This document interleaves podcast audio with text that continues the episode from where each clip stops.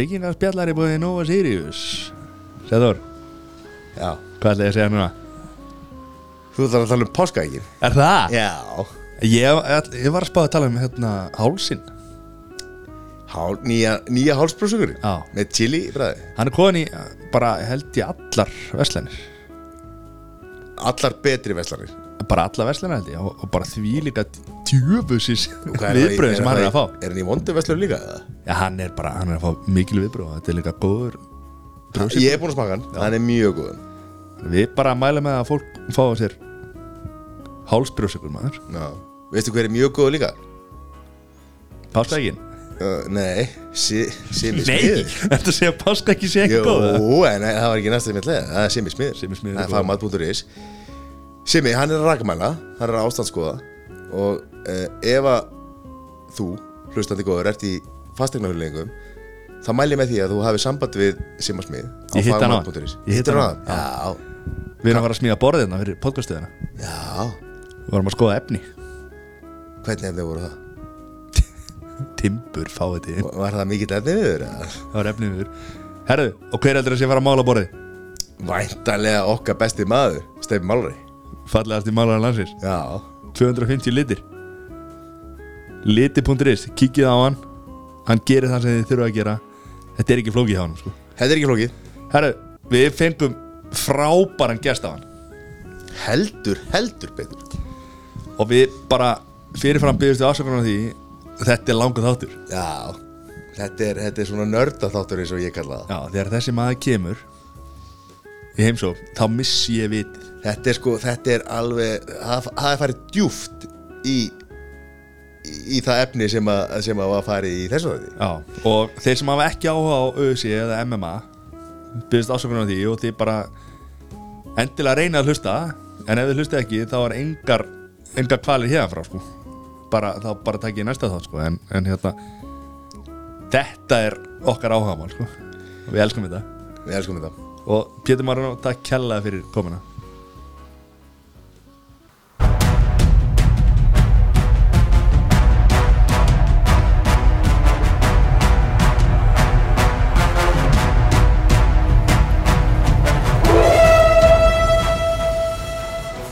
Tapvarpið með Pétur Marun Nýjum uh, stjórnanda. Nýjum stjórnanda, nei, við finnum ekki takk fyrir það. Þetta er svo gott að við ákveðum bara að nota það líka.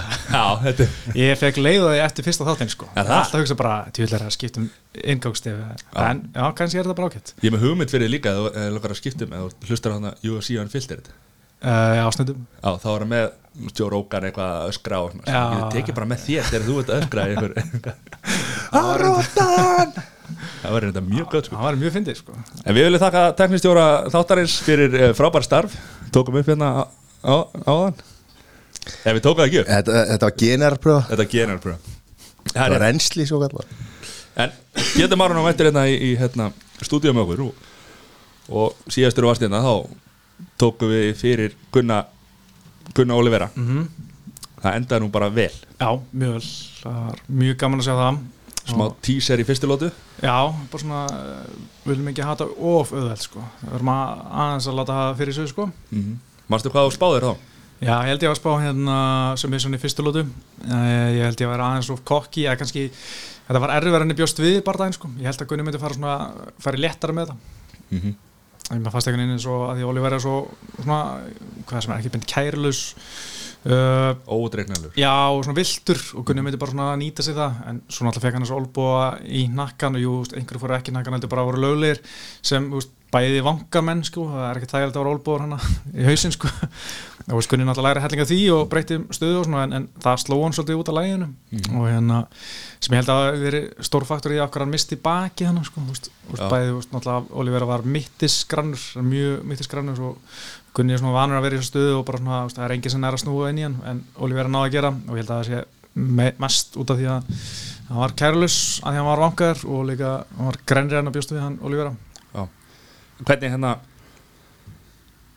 Vá, ég kom eitthvað geggja spurningu þegar ég múin að gleyma sko. En allan hérna, já Þú talaði við Gunna eftir barðan Hvernig hérna, hvernig hann var bara mjög brattur sko. Hann var bara náttúrulega ánæður að fá að fara hann inn eftir langa tíma, lang, það voru einhverju 17 mánuðir eitthvað sem hann var náttúrulega frá búrunu mjög gaman fyrir hann að fá að fara og berjast og hérna og, og ná sigri og þú veist, og var bara þetta svona hæst hann á mæti og, og langa bara einmitt strax að fá annar barða sko. Já.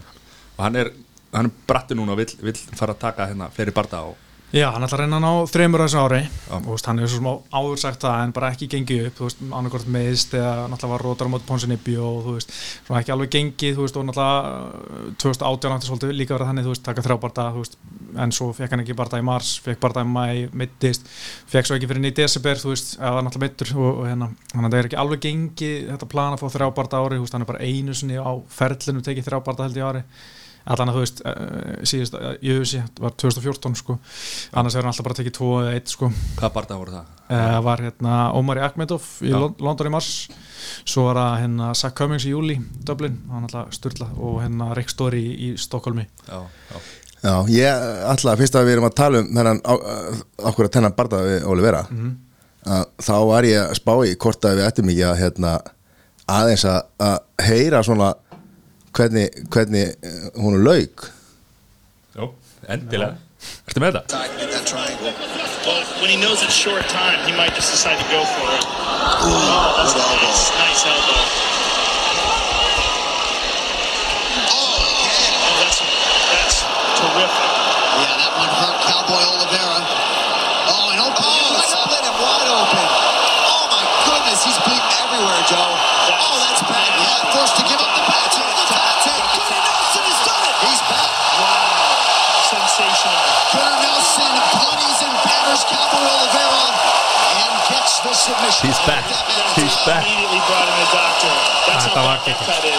that is a canyon on his head. Við lýðir einhvern veginn alltaf betur þegar Pétur Marun er að segja þetta en, en En Pétur Máru var ekki að lýsa þessum barða þannig að hérna, hérna á, á, á sín eða var það, var það hérna sem sagt, var það 365 þegar barðaði var það? Nei, var- stöðu sport bara Já, stödd- sem sín á. sem, já, já, ég er að segja, það, Já. þetta, þetta var þá orðið sín Já, ekki, já. ekki 365 Heyrðu, þá erum við búin að tala um hlutafélag hérna. Hvað fórstinn er bara hætta? Það, Hvað? Er hérna stemmingin í höllinni? það var bara geggja sko, þú veist, ég er náttúrulega þú veist, í Kanada var sko ég svona, var- hafði heyrt af því að þeir væru svona góðir aðdándur, varu mikið að hvetja á okkur saman Um, mér fannst að vera pínu svona að vera að baula þegar var bara ekki aksjón bara núna þú veist, eins og þeir voru hann eitthvað uppi búrið í annar lótu sem var náttúrulega mjög steikt í Olivera að fara að klinsa aukuna en hérna þá var svona bara smá ekki aksjón og þá kom smá baul allan var, með, var í, í stúkunni ég veit ekki hvort að, manni hvort að heyrist eitthvað í sjórfunu en hérna finnst það svona uh, svona komur á vart en svo með leið og hann næri einhverju dóti sko, það var að gegja krát og þú veist, þetta bara maður var að skýta á sig á stressið hennar sko, veist, og sérstaklega eftir fyrstu lúta þú veist, maður hann gerði akkurat það sem hann held að hann myndi ná og held að hann var bara að klára þetta eða dominata fyrstu lútuna. Svo nær hann að snúa inn í hann og hamra einhverjum höggum hann í hann og þú veist, með skurðin átti að vera full kæralaus svona þegar hann var niðri, þú veist, eins og höggin væri bara að fara að róta hann sko, mjög stressaður en Já. hann sagði svo þetta eftir hann að þetta ekki nei, neina ára á hann. Og ekki að hitta neitt sko en, en auðvitað á þessum tíma var maður að skýta á sig. Þannig að þegar önnulega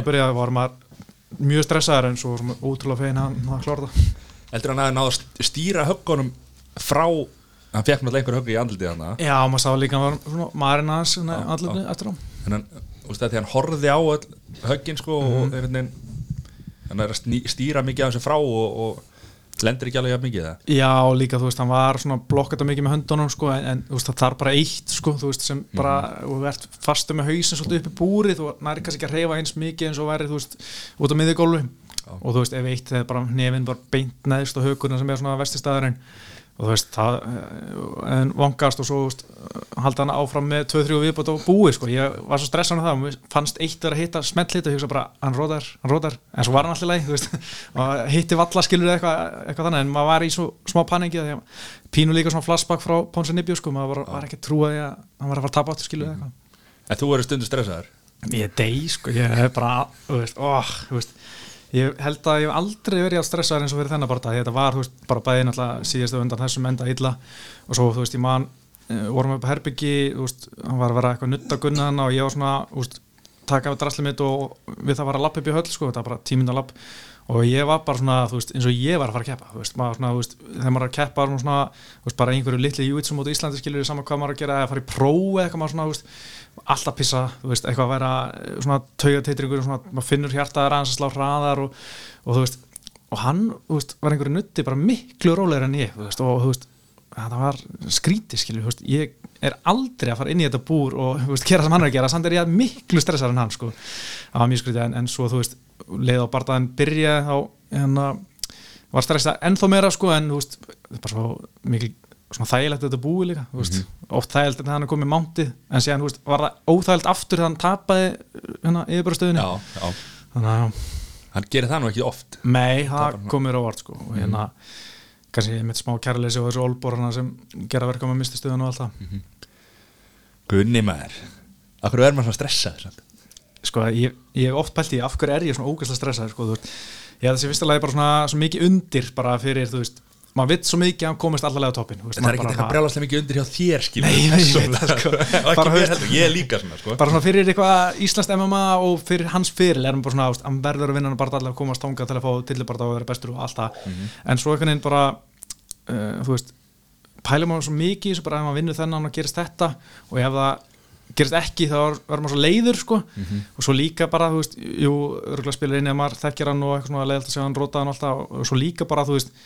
að að hérna svona smá eitthvað, þú veist, maður lesa mikið á reddit og bara svona, hann er ekkert svo góður. Og maður svona, þegi, hann hýst, sjáðu hvað hann er góður. Þetta svara þessu eitthvað? Nei, jú, pínu, sko, ekki, ekki vittlýsingur ég, ég er hættur á Serdog Serdog.com er bara svona veist, ég byrjaði þar sko og hérna svona, þar byrjaði minn MMA ég að lesa það spjallborð. En það er bara alveg krabba minn sko veist, það er hörmuleg, hörmuleg umræða þar. En reddit er aðeins betra sko.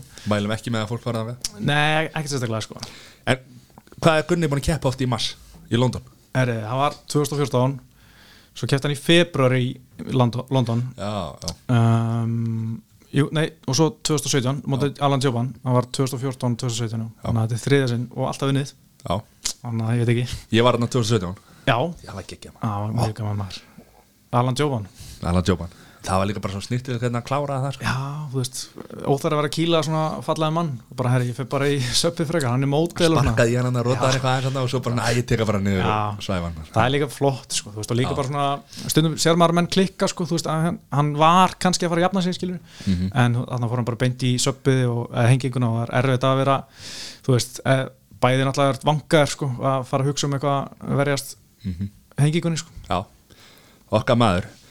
Herru, mér langar að fara aðeins yfir bara hvað er búið að gerast í UFC síðan þú varst hérna síðast og, og hérna, stikla á stóru og, og hérna það var næstir svona stóri barda, bardakvöldi eftir þetta var John Jones og Alexander Gustafsson. -hmm. hvað hérna hann er góður aftur bara. Já, já, sko, þetta er alveg magnað eintaka manni, sko, þessi píkagrömm af anabóliska styran og túrinaból sem er búin að finnast og ekki finnast og allt er undalast af alltaf en, en ég menna, veist, það er ekki það óöpinn, hann fellur þrísar og leiðaprófi, sko, það er e, þú veist, eitthvað skrítið í gangi hjá honum og veist, ég ætla að sé ekki vafi á því hann he- hefur verið að svindla. En núna er maður svona bara maður veit ekki hvað maður að halda. Þú veist, bara fyrir það sem ekki vita þá hefur þessi steri verið að finnast í lifaprófum í örlitlu magni í einhverjum píkagrömmum sem er eitt biljónasti úr grammi sko. og hérna, en biljónasti úr grammi sko, per veist, sem hann sé svona 20-40 40 píkagrömm að einhverjum stera sem er að finnast og ekki finnast og finnast og ekki finnast og svona mjög erfitt fyrir lifi eftirliti að vita hvað er að gera. Því að auðvitað á að vera svona zero tolerance uh, stefna, þú veist, eða finnst eitthvað átt ekki að keppa. En að þetta er að finnast í svo litlu magni þá fær hann að keppa og þetta er líka sami uh, þessi, þessi sama innteka og hann var dæmdur í bann hennar 2017 Já. mann hann fær að keppa og hérna mannum finnst það mjög skrítið að maður heldur bara að þessi gæði séu á styrum og séu á löglegum styrum en að þeir einhvern veginn ná að geta sagt uh, og sínt fram á að þetta séu hérna langtíma uh, hérna áhrif einhver já, langtíma metabólæti eitthvað af, af þessum styra og hérna hann að maður veit ekki hvað maður segja en úst, sérfræðingarnir segja þetta að, að hann sé ekki að, að hérna, svindla og þú veist og þeir eru þetta er bara svona eins og vitni, sérfræði vitni sem er að bera vitni í einhverju réttasál fyrir íþrótasamböndinu og segja bara við getum ekki sanna að hann sé úst, við höldum bara að þetta sé langtíma áhrif og, og ekki ný intaka tvær spurningar. Ég með eina, svona Það var verið að dæma hérna og strippa hérna, titla af Brits Já. britsmestara fyrir að vera með hérna, testosterón og vera, hérna, vera með hérna, og hvort þetta átt að hafa verið sko, frjósemi spætandi fyrir hann eða eitthvað, hvort það var í einhverju svona stæmi sko. Nei, menn ekki fjölga sér britsinu Nei, og, já, og þeir eru að þeir eru að komast inn í einhver sko, samtök eða einhver íþróttasamtök slíkt og þá er að sína það að þeir bara taka á, eru bara með sömu reglur þá og aðrar íþróttir Já, bara þessi vata kót vantalega sko einhver, einhver. Það er mjög ávert því að hérna, maður myndi al- alveg halda úr því má þetta ekki vera hérna með hérna, reyka kannabis eða Slaka slakað áhrif eða, eða eitthvað svona sem eigur einbyttingu eða eitthvað, veist. Að það sé framistuð bætandi fyrir þá og hérna, en svo náttúrulega sér maður ekki framistuð bætandi áhrif fyrir, veist, það er á styrum skilur, það er hjálpaði með britsinu eitthvað, en þú veist, það er bara, þessi vatakótið bara, var einmitt að tala við hann hérna líka eftirlit íslenska að það verður að vera sum reglur fyrir alla sko. þess vegna er einmitt cannabis og alltaf að THC er banna í, í keppni skilju Mælum eindri með að hlusta á síðasta þáttið á tapparpinu. Hann var hérna, þá var Birgir Sverrisson. Birgir Sverrisson að hérna toppmaður toppmaður að tala um sko og þetta kemur svolítið óvar sko það þarf að vera sömu reglur yfir allar íþróttir. Já. þess vegna er ólöglegt að vera með reykja kannabis í, í hérna UFC vegna þess að það hefur áhrif á skápmenn já, nákvæmlega. þú veist, þetta megar eða, veist, ma- mann er fyrst að skrítið en mm -hmm. eða bara eina regla yfir alla. Og það er hérna en það er enda merkilegt með cannabis sko, og hérna reykingar þar, það eru mjög margir í jútsunu sem uh, ekki ekki mjög margir, það er svona alveg til tilvík sérstaklega út í heimi, þú veist, í Kaliforníu að- svolítið svona cannabis menning í, í jútsu heiminum og margir eru bara glíma aldrei nema þessi skakki sko. Já. og hérna, ég man að Gunni var eitthvað glíma eitthvað gæja í New York eða svona var að æja á mönum eitthvað. Og hann var alltaf skakkur á æfingum og einhvern tíðan kom hann ekki skakkur á æfingu og hann bara og miklu verri. Bara ákvæður hann svona lélur? Bara, æ, átti ekki hérna eitthvað heima og, slaka ekki á og, já, þú veist. Já, er það ekki líka, að því að núna er þetta löglegt í, í Kaliforníu og þú getur fengið sko svo mikið af sko öllum skalanum, þú veist, eitthvað sem er ekkert rosalega stert en er, er þú veist, gerir eitthvað þú veist, það er fyrirtæki sem heitir Mad Men sem er hérna risastóri í Kaliforníu sko og með fullt af búðum og bara, þú veist, risabúður og svona. Þú, þú mæti bara og segir bara, hérna Já, mér langar að lega svona og svona, ég vil, þú veist, ég vil út af þessu, því ég vil slaka á eftir vinnu, Ah. ég vil slaka á, þú veist, að, eða gera eitthvað svona, sko, nú hef ég alla mína þekkingu hérna úr, svona, úr öðrum hlaðvarsþáttum að erum að tala um þetta, þannig að skilur það gæti verið eitthvað í einhver ákveðnu magni Já. að þú nærða að slaka nógu mikið á að þú sko stressast ekki upp og ert á betri í, Já. í, í, mitt í þessu, sko, eins og svipað með skákin að þú, þú veist, verður ekki stressaður og tekur ekki hérna ákvarðanir á þess að yfirlöður á því, eitthvað slíkt. Já, en er einhver annar heldur en Don Jones sem að kjæst upp með þetta Sko, í UFC veist, ég, ég vil menna að það skiptir ekki máli hvað hann heitir hann á, að myndi vera tekið á því sama en, en, en að því hann er svo frægur þá er svo mikil aðtekla á þetta þeir verða að vera með eitthvað svaka protokól og allt það. En þú veist, þetta er bara, þú veist þetta er svo erfitt, veist núna var aftur að finnast, bara kom fram í gærkvöldi en að voru tekið liða bara í februar, það var aftur að finnast þessi turnaból í örleitlu píkogram mögnum sk- magni. Og þú veist, maður veit ekki hvað er að gera því að sérfræðingar eru bara, þú veist, getum ekki veist, þetta er bara langt hjá áhrif og þetta er ekki veist, hvað, hvað er máli Já. og þeir eru bara áfram að reyna að rannsaka þetta og reyna að komast að því hvað þetta er þegar ég er náttúrulega búið að rannsaka túrnaból mjög lítið af því að þetta er náttúrulega ólulegu styri og þú veist, þú getur ekki bara beðið einhver hundra gæðum að koma hérna í eitthvað test og við ætlum að gefa þér ólulegan styra veist, þetta er svona erfitt að rannsaka þetta og rannsóknir þú veist, sem hafa verið að gera á þessu hafa kannski hætt eftir 150 dag og hérna er John Jones með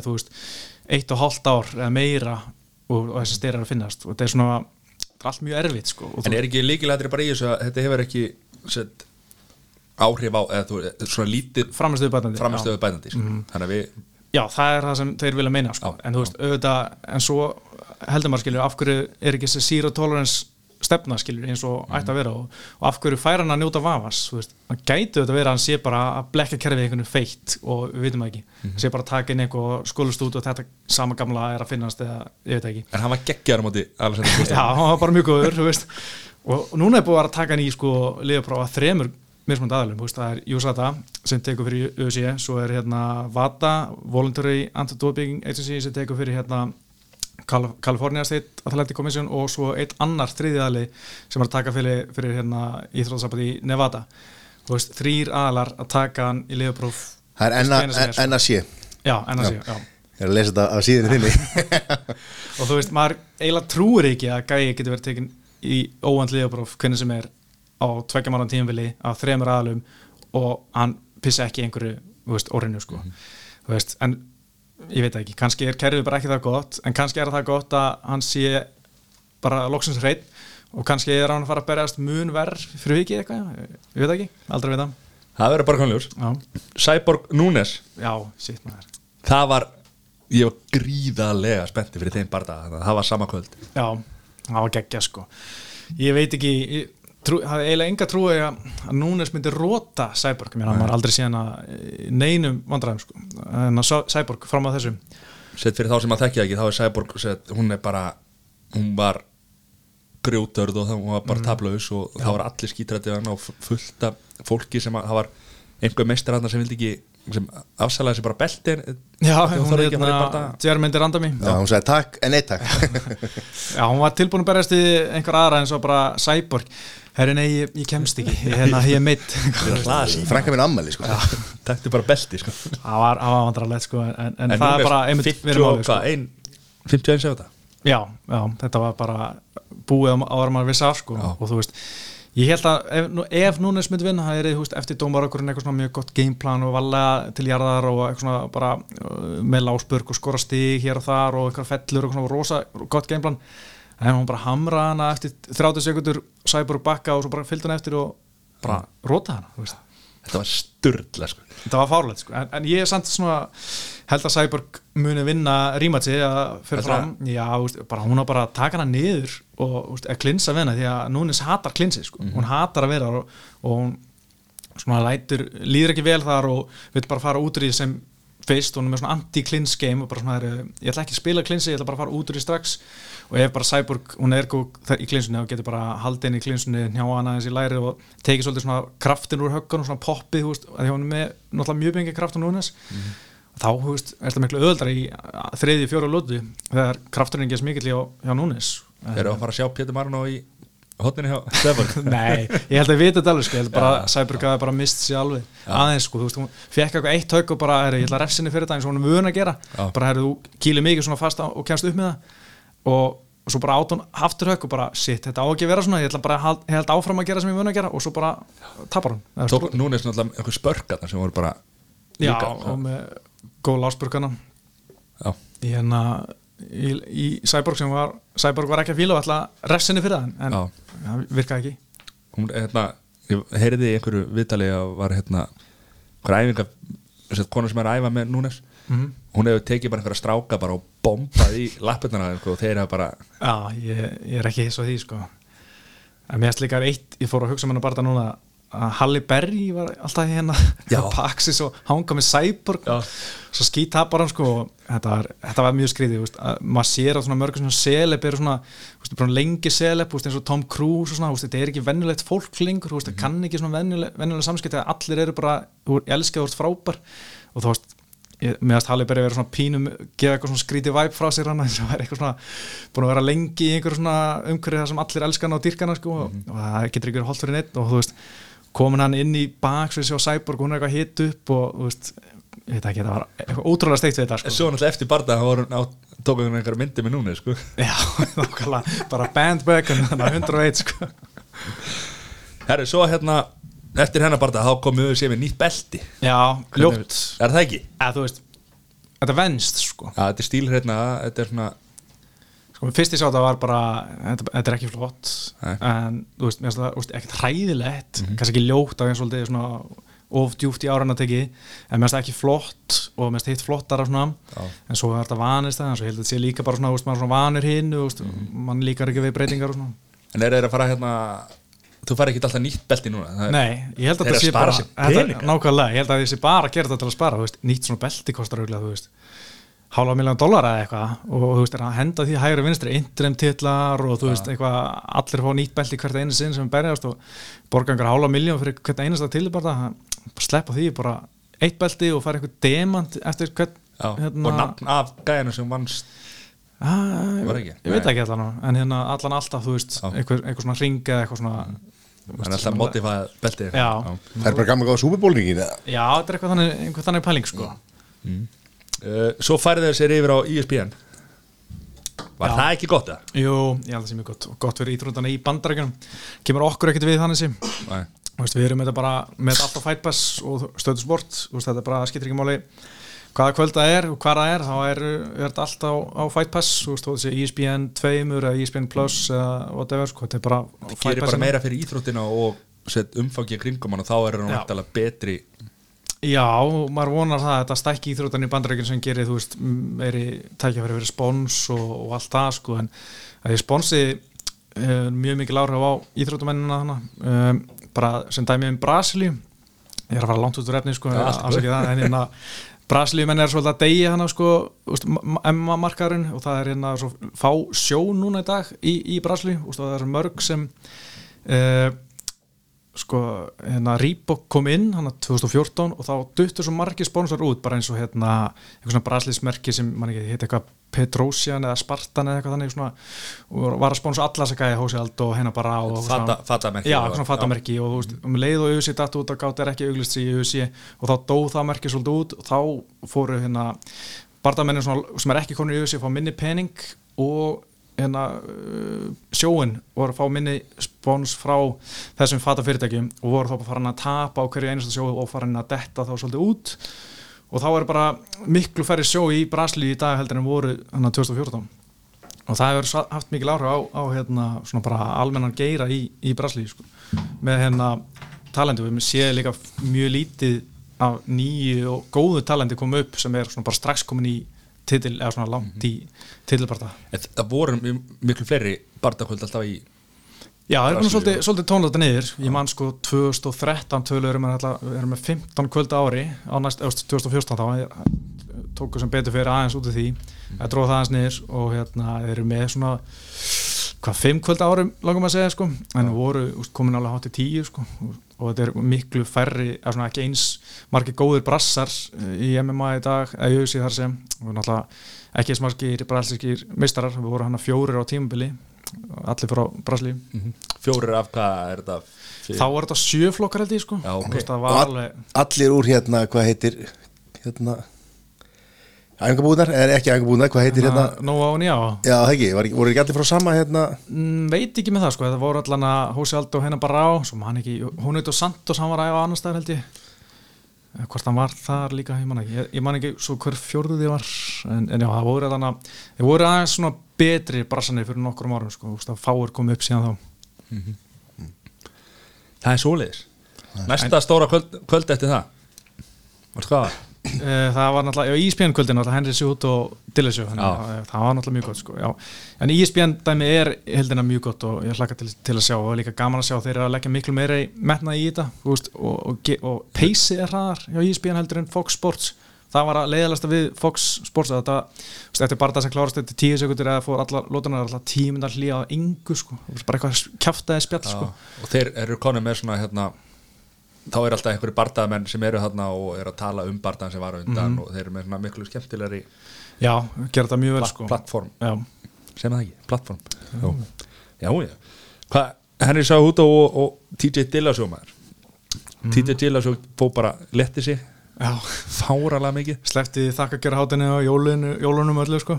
Hann var sko, hvað var, tíu dagar í bardaðan og hann átti eftir að letta sig um 6 kíló og hann var bara eins og beinagrein sko. Já, það var ógislegt sko. Ég heyrði að hann hefði klittað sér tennar sko. Þú veist það, afsett þetta bara. Er það rétt? stóru tára. En þetta tókst hjá honum og hann leiti ekkit illa út. Nei, sett líkanlega nei, en maður veit ekki sko. Hann har náttúrulega aldrei verið eitthvað með grjótarað högu hann var, slegið niður á móti Cody rótar á móti hérna John Dodson og svona, en þarna var bara eitthvað uh, veist, eitt högg, vankast, annað kildi niður og svo, þú veist, 30 högg í gólunni eða hvað það vor, voru.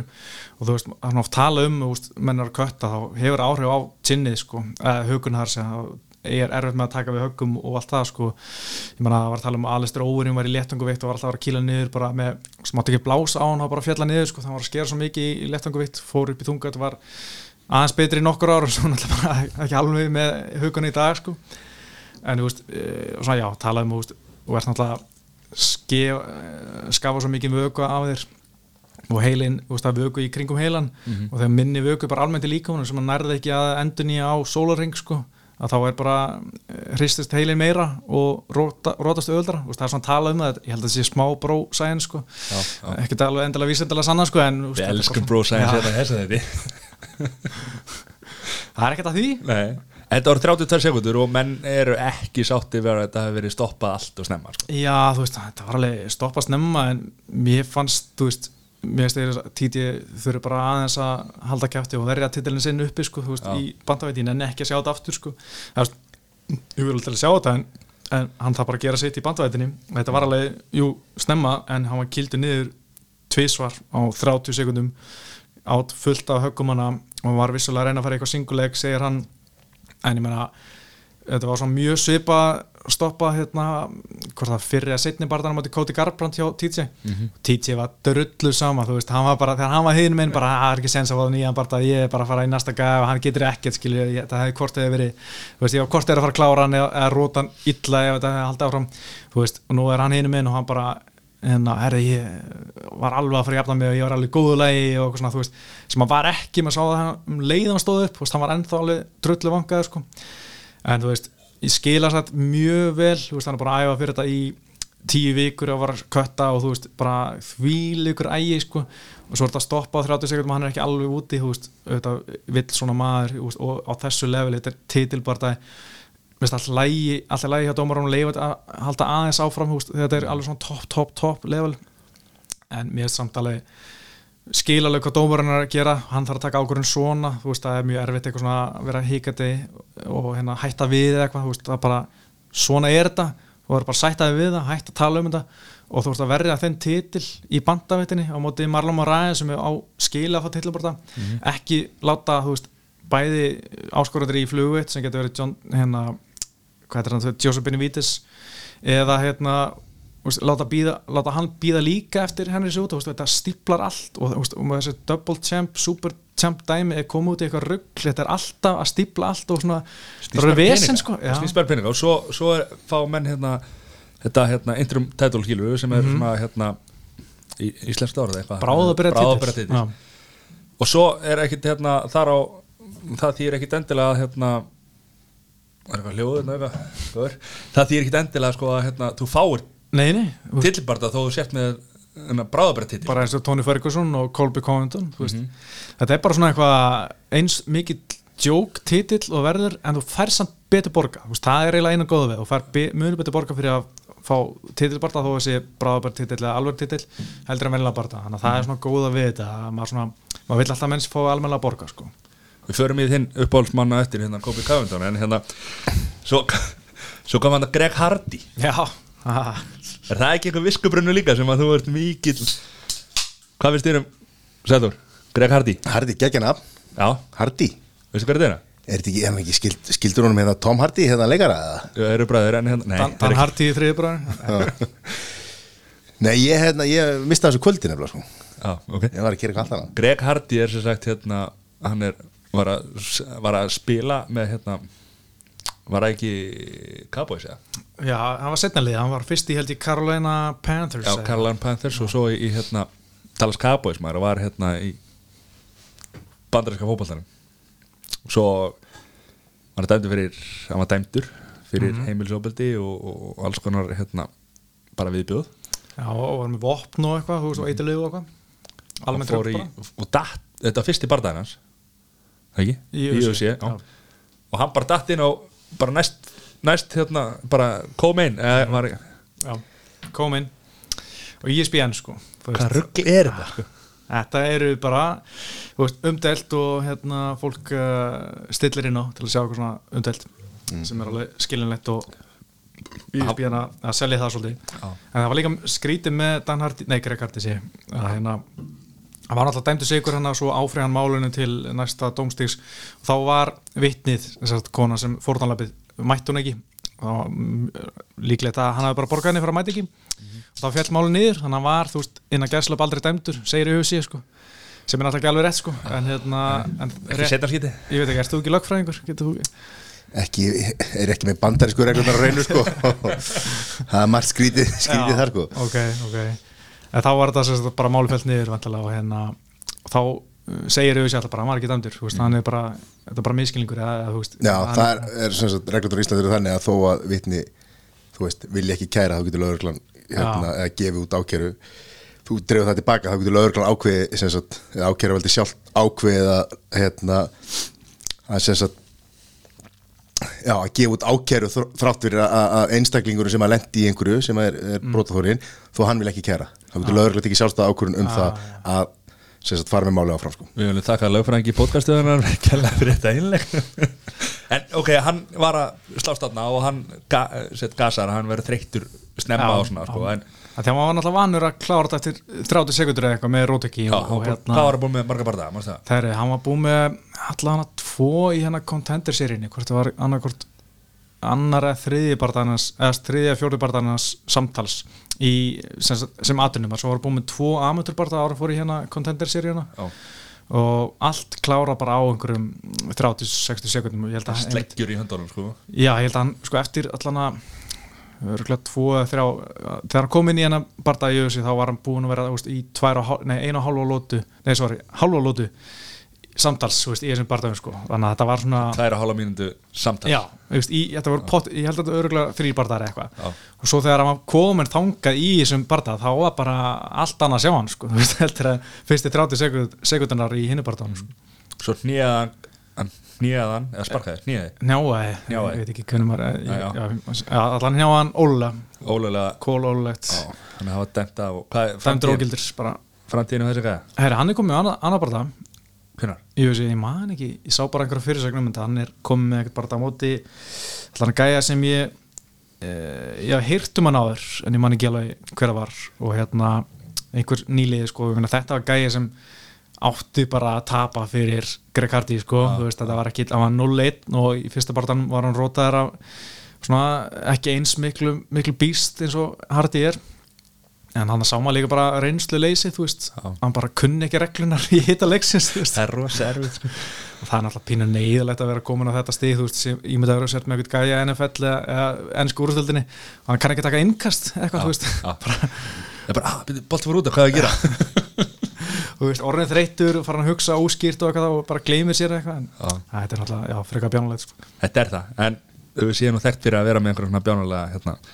frekar bjánulegt. Þetta það, en við séum nú þekkt fyrir að vera með einhverjum svona bjánulega karakter en borð, en það er karakter hann sem er, hann er 35 ára gammal og hann er mikill karakter. Já, Donald Cerrone, já, já, hann var þessu kvöldi líka. Já. Og þarna var hann alveg sko er, hann er sturlar þessi gæði Já, ég, ég dyrk hann að gæða sko uh, svona, þú veist ég man ekki hvort ég að tala um það síðast en ég held alltaf að hann væri bara ekki hrættu við neitt. Mm það væri bara mest í gægi í heimi þú veist, hann er bara alltaf á vélslum motocross, þú veist í einhver kappastrið Skydive maður. að kafa þú veist, næstu dáin hann einhver köfunadæmi og bara svona festist, í, festist í einhverju hérna einhverju skipbraki eða eitthvað maður Já, Bara, alltaf að gera eitthvað svona uh, hættulega hluti og ég hugsa bara þessi gæði er ekki hrættu við neitt hann er bara, veist, hann er bara alveg með þetta sko. en veist, hann er bara skítrættur þegar hann er berjast sko. Mér finnst það magna sko. Hann er bara svona, líður óþægilega bara svona alltaf hugsa bara, "Æ, ég tek hann bara þá svo er hættur og eitthvað en, en samt er hann komið með einhverja, ég veit ekki 50 barða eða eitthvað, þú veist, 28 í UFC sko, sem er alltaf bara styrlu tölfræði sko. veistu hvað hann ber flestir á ári það er ekki fjórir eða Það er fimm sko, það er er nokkri gæði með fimm bara Neil Magni og, og hérna einhverju nokkri gæði sem, ásaki, sem deila þessum meti sko, fimm bara á, á sem sagt, svona einu ári, ekki, ekki hérna, já, frá bara janúar til þess já. þetta er sko já. fimm barndar er þrýri mikið sko. Já, valgilega, hann byrjaði bara að berja svona mikið þegar hann var blankur sko. Já. hann var að eða svo miklu í hérna búkarinn og alltaf að kaupa sér einhverja nýja ný mótrjól og einhver sleða og svo bara, herri, fokk maður, ég, ég á ekki pening ég þarf bara að berjast sko. Og hann er með, ég við rættu held ég líka síðast að þetta hann er með hérna kamp heima á sig þú getur partaði með geta komið, gist og æft á þessum búkarans og þar er hann á einhverjum pallbíla hérna, með, með hattin Ég vil þessi gaman að vera með Sturla þetta er algjör partí í pési sko. Svo er alltaf Sunday Funday sko. Já, þú veist, ekki trættu við að vera að fá sér bjór þó hann sé með barda eftir, eftir viku sko. Þú veist, það er bara, tekur allir þessu mjög létt og afslappað og þetta er bara barda, ég meni, ég er búin að gera þetta ofta áður eitthvað, þú veist. hann var nefnilega áðan að byrja í, hann var í kickbox. Og þá vor, voru þeir að fara til hérna hvert hann, hann var til Kína eða eitthvað. Flög bara þangað, eða Thailand svo eitthvað líka. Flög bara þangað og barðið kannski bara þrís og fjóra á hverju kvöldi sko. Já, hann er með eitthvað 28 eða eitthvað í Já. Veistu, það er bara eitthvað Já. það var ekkert mikið að slást eitthvað fimm sinum ári yfir síðan. Já, menn eru, þetta er duglega að berjast svona fyrst yfir fyrirlegin sko. Ég man, ég var einhver barða með sem ég var að tjekka um daginn. Hann tók bara 11 barða á einu ári. Og hann var bara svona, þú veist, barðist bara þú veist, tvo dagi röð og þú veist, tvisar í mánu og var bara svona alltaf stökku eitthvað. Bara svona, er það losnaði hérna gæi þannig, er já, ég tek þetta bara. Og, veist, og, og, komin í UFC eftir tvö ára eitthvað. Þannig að þú getur rokka á milli svona mismunandi hérna, Barda, hvað heitir þetta? Barda Samba- sambanda. Sambanda. Og þá er ekkert verið eins og núna í UFC ef að þú, þú veist, þú mátt ekki keppa í þrjá mánu eða sex mánu eftir hvernig síðasti bardaði fór. Já, það er meira svona eitthvað komissjón sem ræðir það, ef þú færið einhver þung högg bara hefur þú mátt, færið 60 daga no contact sko. Já, hann, hann, hefur, hann hefur ekki, sérst bara þessir 11 bardar hafa verið þannig að hann hefur ekki fengið þung högg og, og mátt halda áfram Jú, örgulega, en það er bara mjög lengi verið að fylgjast, fylgjast það þú þetta svolítið vilt að vest Já, ég er að segja, þegar þú ferð í önnur sambönd eitthvað, svo veist, þú getur farið þú veist, sérstaklega milli fylgja eða eitthvað, þú veist Já, og líka bara að pæla í- landa kannski, þú veist, Já, nákvæmlega, þú veist, enginn að pæla í hvað hann var að gera síðstelgi eða í gæri eða eitthvað þannig, sko Mm. þannig að það pínu er þetta fylgjum sér því stundum, sko, fyrir, fyrir þessi hérna minni samtök, sko Já. og bara til í eitthvað þú veist, þetta- þú veist, að vanta bara barða eftir tvo daga og það er kannski ekkert margir til og bara, herri, ertu til? Já, flott. Og ekkert að pæla í hvort það var kannski róta er bara síðasta lögu þetta eitthvað, þú veist, það- sem er náttúrulega mjög slæmt sko, en, en, en hérna, svolítið vilt að vestri hana. Það vantar bara eitthvað kjöt í búrið og við þurfum að fá. Já, Þú veist, þetta er bara þannig. mjög ljótt að segja það en Já. þetta er bara svona. Herri, svo hérna duttu inn hérna dómsmál. Habib, vinnur okkar og, og Conor, þeir fengur bann og, og hérna. Þetta Já. var hérna þetta var náttúrulega ógislega ljótt sko ljótu blettur á, á Mhm. hérna þessa íþrótt og, og mjög leðilegt mjög leðilegt og hérna Habib fekk hérna nýju mánuði mm og 60 miljón krónar sekt. Það er heldur mikið. Og Conor fekk 6 mánuði og, og, og 6 miljónir mm og Dylan Danis fekk hérna sjömanaband Já, mér finnst það eiginlega magnaðast að við það Já. því að úst, hann Kabil fekk nýjumannabann en hefði getað stýtta í sex mánu ef hann hefði tekið þátt einhver einelti eða svona anti-eineltis vídeo sem ég hef elskað að sjá. Já. bara gæði þetta að sjá sko. verið einhver svona do not bully people Do not bully the bear Já. litli björni sem var. Það er geðið vídeo sko, það. En var, ekki, var ekki þannig að hann var að taka eitthvað svona stand hann vildi sjá að, að, að dómur eða refsing félaga sinna yrði einhvern veginn fælt niður og þess vegna vildi hann ekki Já, taka þessa úst, þeir fengu ársbann og hann allar bara sitja út á meðan þeir eru í banni sem er rosa flott og fínt og alltaf en, en ég meina, hann, ef hann hefði tekið þessa bara sex mánu og gert þetta vídeo þá hefði Dylan Danis fengið eins mánu lengra bann heldur en hann, veist, sem er sturla sko, ég meina, kapi byrjar þetta allt sko. en þú veist hann, hann ætlar ekki að setja að berjast í heilt ár og Nei. borga sektina fyrir félagar sinna líka já, og, og lögfræðan kostnað og, og allt þetta, þetta dæmi sko. en, hérna, ég skil þetta ekki alveg, þú veist, kannski er ég svona lélegu vinnur eitthvað, en þú veist einhver tveir gæjar sem stökkun í búri og reyna að buffa okkur gæja, úst, út af mér örgulega, og þeir get ekki barist í eitt ár, þú veist, hverju má ég ekki berjast, þú veist, hverju má ég hverju getur hann ekki bara klára þess að nýju mánu eða sex mánu og barist, en þeir að þeir fengu árspann og allar hann býða meðan þeir eru að ég, bara, ég skil ekki hverju hann þarf að gera þetta, skil vil langar bara að sjá hann berjast, sko. en er ekki, já. Ég veit ekki heldur ég, mér veist að samtali cool hjá hann Já, að bara hey, Já, félagarnir eru, eru svona koma honum eitthvað þú veist, til eh, bjargar eða ekki bjargar vera að standa með honum eitthvað þannig, sko, já. maður þarf ekki að bjarga Khabib sko, hann getur bara að bjarga sér sjálfur ég sko. segi það og ég meina hann er borga þessa sekt fyrir það, það er ekki nóg bara. já, já. Já. en ég er, svo veit maður ekki hvort að vinir hans vilji þú veist, þetta er kannski bara hans ákvörðun og hans hugarheimur og já, já, algjörlega sko það kemur ekkert óvart, þeir eru bara ekkert að í þessu sko, hann er bara tekur þessu ákvörðun sko. Nei, þeir, sko, ég skal lofa ykkur því að þeir eru pottið bara, hei, auðvitað, fer að keppa Já. skilur, þeir, þeir eru ekkit hérna, nei, þú eru bara, hérna, þú, þú, tekur, þú ert pró-einelti og þú vilt ekki taka þátt í þessari er hann Væntalega hafa þeir kvartan til þess að þú múti gera, skilur, Já. hvetja hann til þess að hérna, keppa, en hann er að taka eitthvað svona stand, sko. Já, er þetta einelti, eineltis pjessi hann vill ekki taka þátt í að útrýma einelti. Örglega hann segir eiginlega bara einhelti sé bara gott sko, þú veist, fyrir, fyrir alla, styrkjum hann og eitthvað, ég veit ekki. er það sem hann kemur sko það er, er, er, er mikil einheltis menning sko. Já, ég veit ekki hvernig það er að þú ert að kvarta í skólastjórunum að það sé verið að leggja einhelti það er, ég veit ekki hversu mikil viðbröðu fær sko. Þarna vita menn ekkert hvort að skólinn verði til eftir hátegi sko. En við ætlum ekki að fara í Aron Einar hérna Það er líka reynda með Khabib sko, hann er svona aðeins að verða meiri bad guy en hann var sko, það er, kom hann með stuttu fyrir barðan Conor, hann var að gefa, láta einhvern heimilislausa mann gera arbir fyrir pening sem svona svolítið slæm PR fyrir hann sko, svona svolítið ljótt. Og svo var einhver hérna eftir Conor-barðan var hann í hérna, ég gerði náttúrulega allt í vittlust í Conor-barðan og svo eftir hérna Conor-barðan var hann eitthvað svona Q&A með aðdandum, einhver kona spurðan hérna, hvaða ráð getur að gefa mér svo ég geti orðið góð í emma þá sagði hann bara basically bara verður bara heim í eldursunni sko. Veist, hann sagði bara, veist, þetta var einhverstað í Rúslandi bara, bara verður bara eins góð eiginkona þú getur orðið og eins góð móður þú getur orðið þú veist, þú veist ef einhver hefði sagt þetta á Íslandi þú veist, það væri bara, hann var döður sko. Hann er, já, hann er svolítið að fara úr þessu. Hann var góði gæði sem að bara, þú veist, bara eins og í blamanafundunum hérna gegn Conor, skilur, þá var hann bara Conor með eitthvað pínu, sko, en, en ekki hann er alltaf verið alveg pollslagur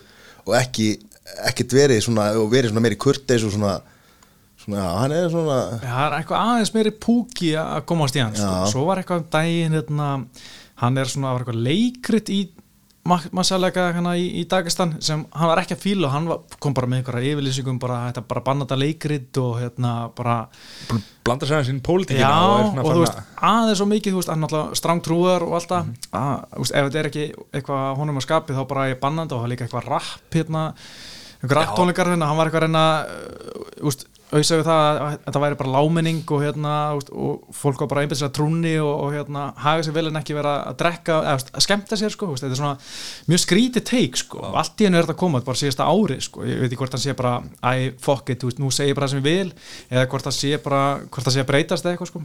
Hann var, þú veist, nýjara eða eitthvað að berjast við hérna eitthvað björnskilu, þá klítur það að grjóð tarði sko. Já, þú veist, hann er það hann náttúrulega hefur verið, að 100%, te- hann hefur verið að hemja sig hérna getur verið að þetta sé þannig að, að fólk, sko, þó að margir elskar hann að, að þá sé hann að reyna að búa til einhverja ímynd, ég meina, hann sér, hann sér hvernig Conor gerir þetta, ok, hann er alltaf kannski ekki að vera eins og Conor, en hann, sé, hann er að búa til hann hugsa eftir fyrir, hann er að reyna að skapa sér eitthvað nafn, eitthvað svona meiri persónleiki Hann er og a- maður heldur en bara Ég- partamaður í uh, sér. Ég held ekki, sko, ég held að, að því hann er líka alltaf sjálfur að tala um, þú veist, að þetta snýst alltaf virðingu og hérna, honor og allt þannig, sko, og hann segir að þú veist, bull að vera með allt trastók og þannig, þannig ég held að það sé bara í alveg með smá skrýtna skoðanir. Já, en ég var svona meira að meina að hann væri að að koma nafninu sín einhvern veginn svona meira Já. inn í umræðuna af því að hann ætlar að fara að gera eitthvað annað eftir hann er búin að bardaga. gera það bara með að vinna Conor McGregor að hann þarf ekkert að fara í einhverjum En ég meina það, þú veist, íþróttamenn, það er bara, það rosa margir, hérna, topp íþróttamenn, en svo gleymast nöfni þegar þeir eru hættir að spila, skilur, það eru örfáir Jordan og, og aðrir sem að ná að lifa eitthvað, eitthvað, þú veist, mikið eftir, eh, aðalega þeir sem að fara kannski í sjónvarp og svona sko, en aðrir náttúrulega bara gleyma, sko. Já, það er eitt með Khabib sem svona sýnir smá hvernig menningin er sko, í Dagestan þá er alltaf vanin að yngsta barni býr ennþá hjá fóreldrunum þannig að hann býr ennþá í pappa sinum með mömmu með konu og barni og börnum og veist, hann er bara auðsýmestri sem fekk uh, miljón dollara fyrir síðast part og hann býr bara hjá mömmu og pappa Já, ég held líka miljón dólarar, ég held að þú getur farið helviti langt á þeim Já. í Dagestan. það, Já, það er mjög góð punktur talandi rússa, það var hérna Artem Lobo- Lo- Lobov Já, hann er hættur auðvitað já, hann vildi bara fá að fara annað Já. sem veistu eitthvað hvað hérna hvert er hann að fara hérna hann fekk allan samningu bare knuckle boxing en hann má líka keppi í MMA Já. Bare knuckle boxing er mestasteiks tími ég sé sko. það er bara eh, eins og nafni gefur til kynna bara box án hanska bara með hérna, berhendir Sæl.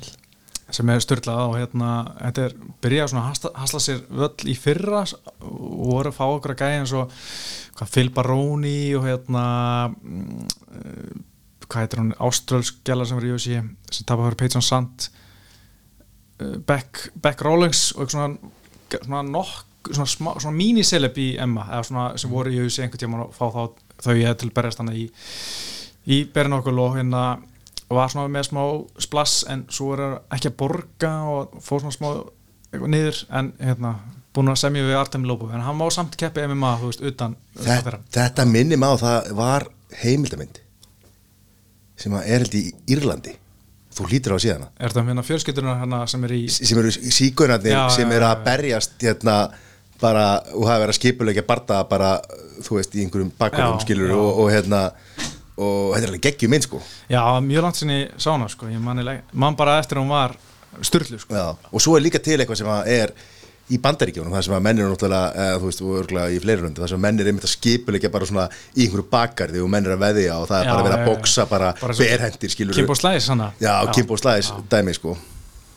Þannig að er þetta eitthvað, eða, þú veist, þannig að það er þú ert með, þú ert bara berhendur og það er bara, Já, það er bara í boxring Já. og þeir eru bara en reglutar eins og hvað, eins og ég sé alveg- máttu ekki, hérna, þú veist, kýri hnakka og eitthvað svona, er bara enga Ég reglur? held að sé bara alveg eins og í boxi nema bara ekki með Að- að Bara alveg svo bóksreglur með engum Já, mér minnaði, ég hef ekki horta á þetta sko. Ég bara sé eitthvað svona highlight, þú veist, kannski er þetta eins og í hérna, hvað er það, Lethway eða eitthvað það er svona mútæ án hanska. Og það er náttúrulega ennþá styrlara sko. Þannig að ég held að það sé frekar bara eins og box ekki með hanskum.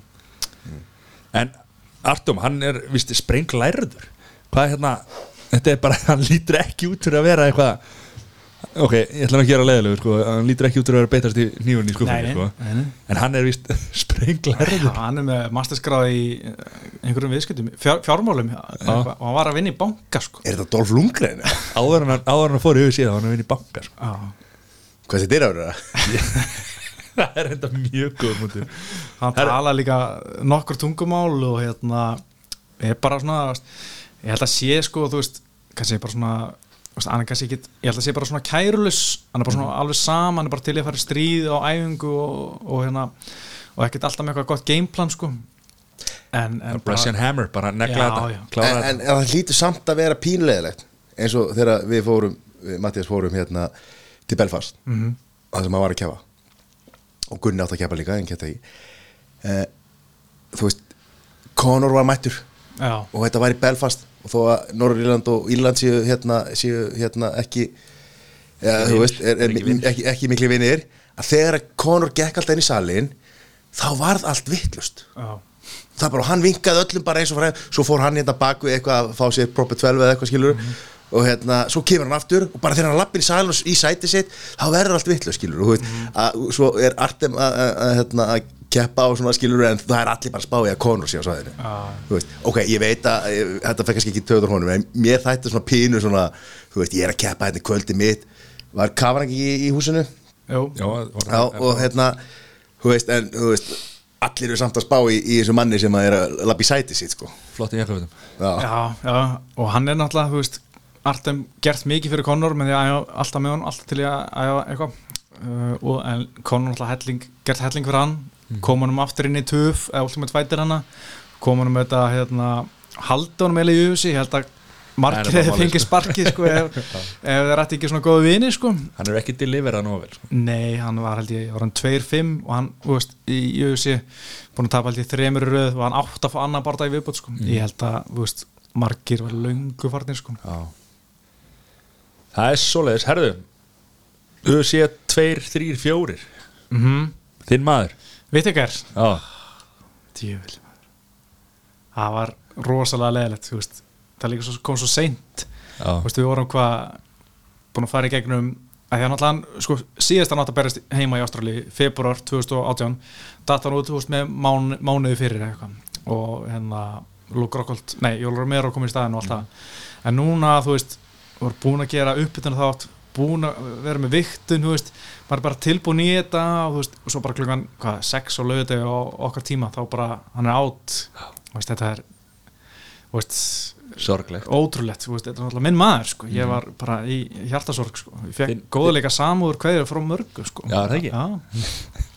Þinn uppbóls, uppbóls hérna, barndamaði fyrir utan Gunna og Conor eða? Já, allan að gunna, sko. Allan að Gunna. en ég myndi segja þú veist, að, að þessu gunni vittingar og svo rest sko, Hva, Hvað gerist? sko hann fekk Fyrslít eða ekki? Já, eitthvað svona kviðslit þetta hó, einhver hóla í kviðnum eða eitthvað og, þar manni byrja svona eitthvað kristast út eða eitthvað, minni mig, ég var eitthvað að reyna að lesa um þetta á sín tíma og uh, þetta, veist, er mjög veist, þetta er ekkit svona hann var ekkit bara illt í mallanum og þurfti bara að fara, skilja, hann fóð bara strax í aðgerð og þú veist, er fjóra til sex vikur að jafna sig og hérna gati mér ekki bara stað, hann var ennþá sko þegar hann var að vera hérna rúla honum inn á skurdeldina var hann að spyrja lækninu bara, erstu alveg sem ég get ekki barist, hann vildi berjast en þú veist, svo var eitthvað svona smá hæp hjá Dana White bara ef hann hefði barist en geta dáið og eitthvað. Ég var eitthvað að spyrja einhverja lækni um þetta hefur svona, fannst það ólíklegt sko. Já. Með þetta allan að sem var gefið út sko en kannski vissi Dana eitthvað sem við, við ég veit ekki.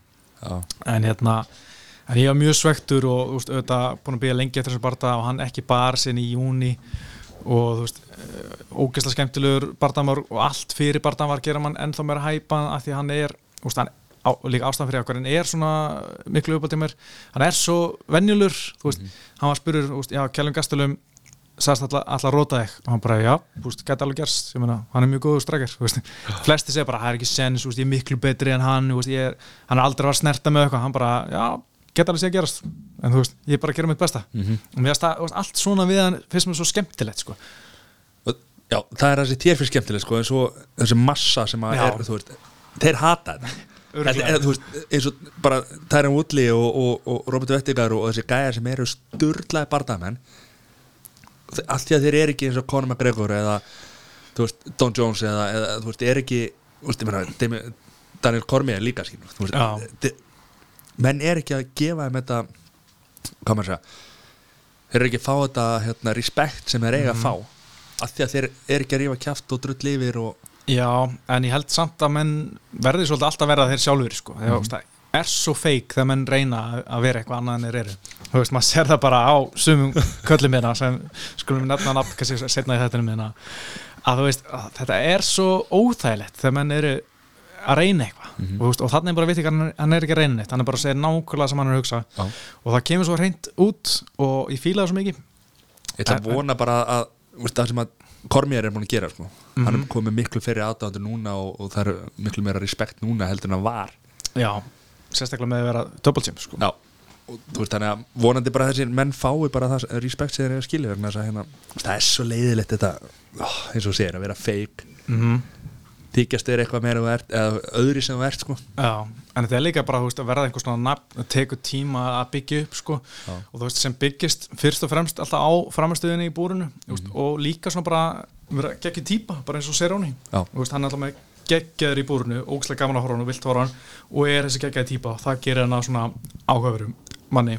Connor bara kom inn sem sturl típa sem fólk vildi fylg, fylgjast með reyf kjátt við alla og var að delivera geggjaðslega vel í búrinu og búin að segja alltaf það sem hann að gera sko. Já, og þú veist, það virka allt, bara allt gekk upp og þú veist, það var svo gaman sko.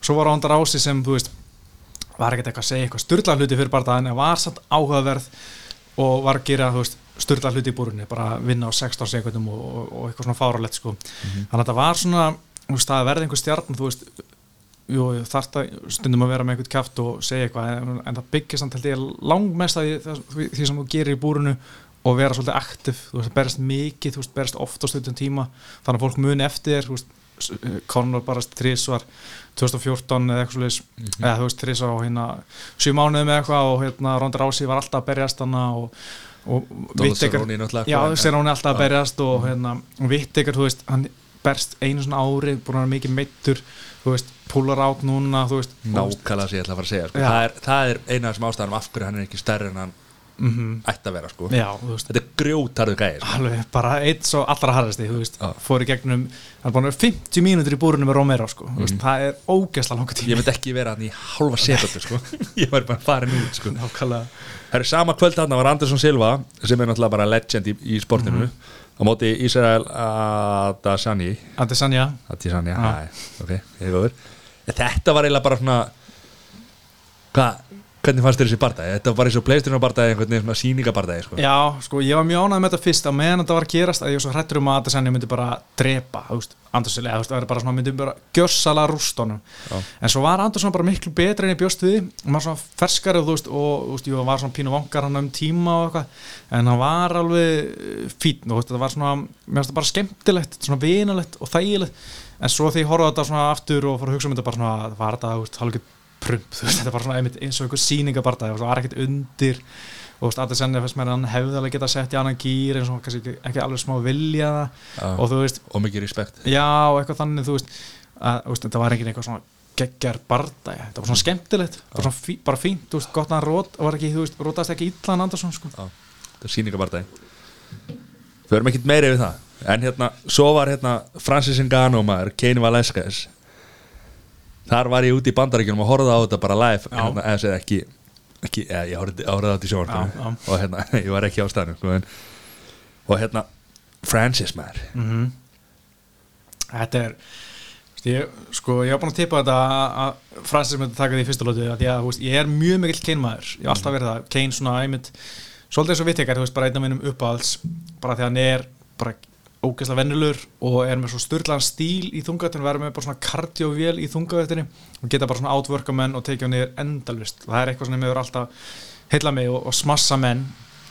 En hérna veist, hann er bara búin að vera á lengi frá. Veist, hann getur ekki komið inn á til engan og, og bara alltaf lifa það af, fannst mér sko. Já. og svo náttúrulega jú, det, eða svona mitt er svona sem illa en ég held að það hafi meira verið hann hefur bara vangaður, þú veist, þegar hann stegi í vinstra hnið og, og datt þannig Var klunulega það ekki, ég, veit, ég veit ekki alveg með þetta knés kné, Ég kaupa ekki að þetta var nýja sem mittan, þú veist, ég held að hann var vangar þegar hann datt, sko, en, en, en auðvitað leiðilegt, þú veist, að vera mittur í, eðast, frá í, hvað, einhver tæp, tvö, tæp þrjú ár Mhm.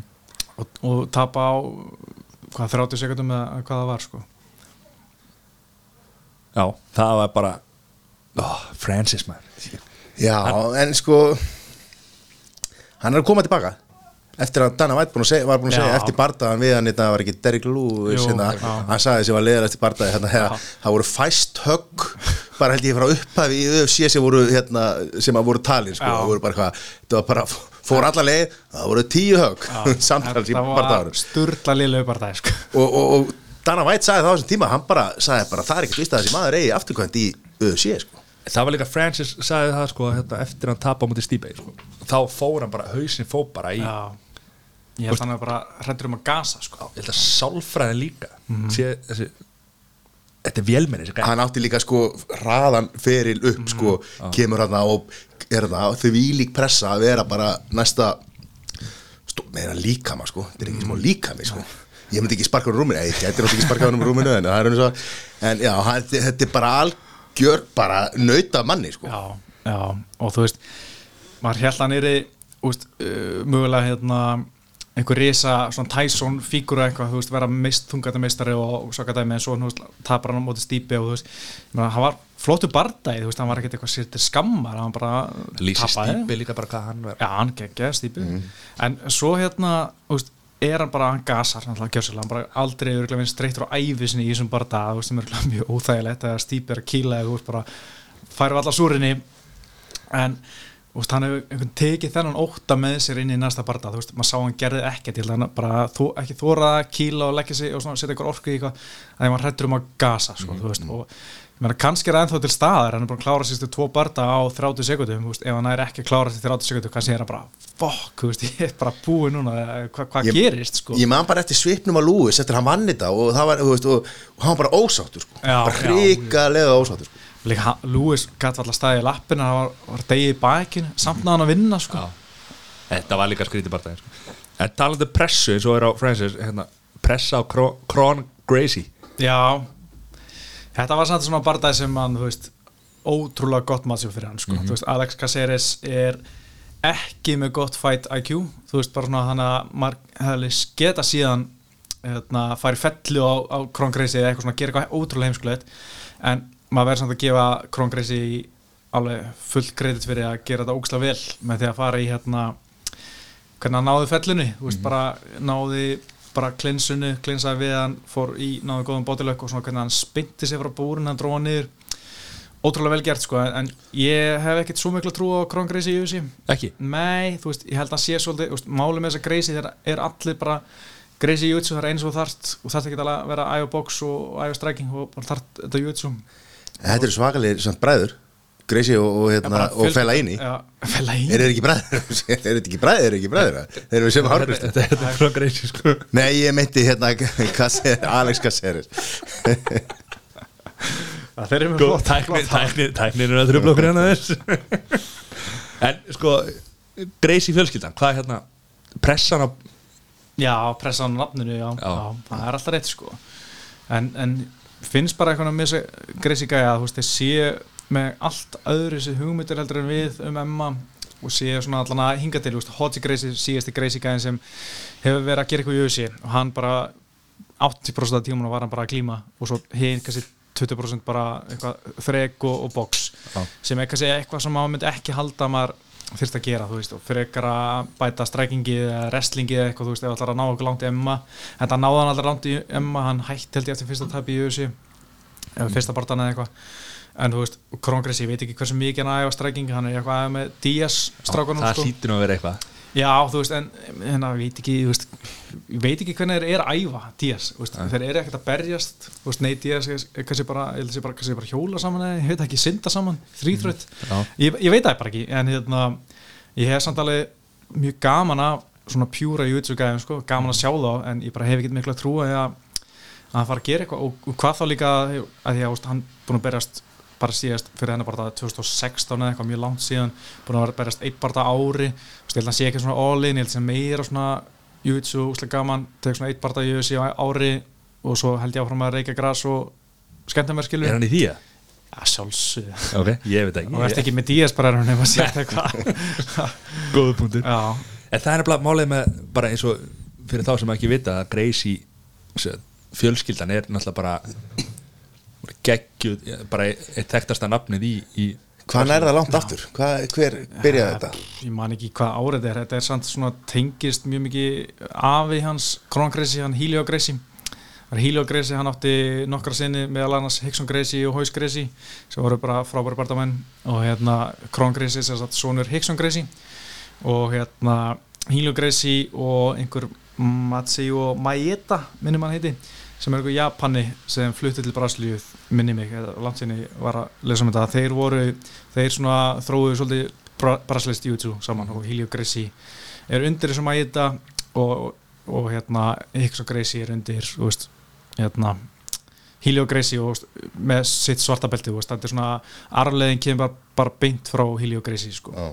og Gunni kemur inn í þetta frá Hens og Gracie sem Já. er sem er frændi hérna Hickson og, og þeirra Já, sko. já, hann er ekki sonur, sonur Helio Nei, minni. Já, það er, það, og svo þegar þú ert í Brasilían, ert að uh, æfa Brasilían Jiu-Jitsu, þá færið svart belti, eða Mhm. færið belti og þá er þetta svona ákveðin standard, ákveðin fjækstu frá þessum þá Mhm, er svart já. belti frá þessum og fá svart belti frá Greisi fjölskyldinu er miklu merkilegra heldur en að fá svart belti frá Sæþóru Löfreng sko, Já. þú veist, þannig akkurat sko. það Ég er, allir svartbelti og mér hefði byggðið það bara sko.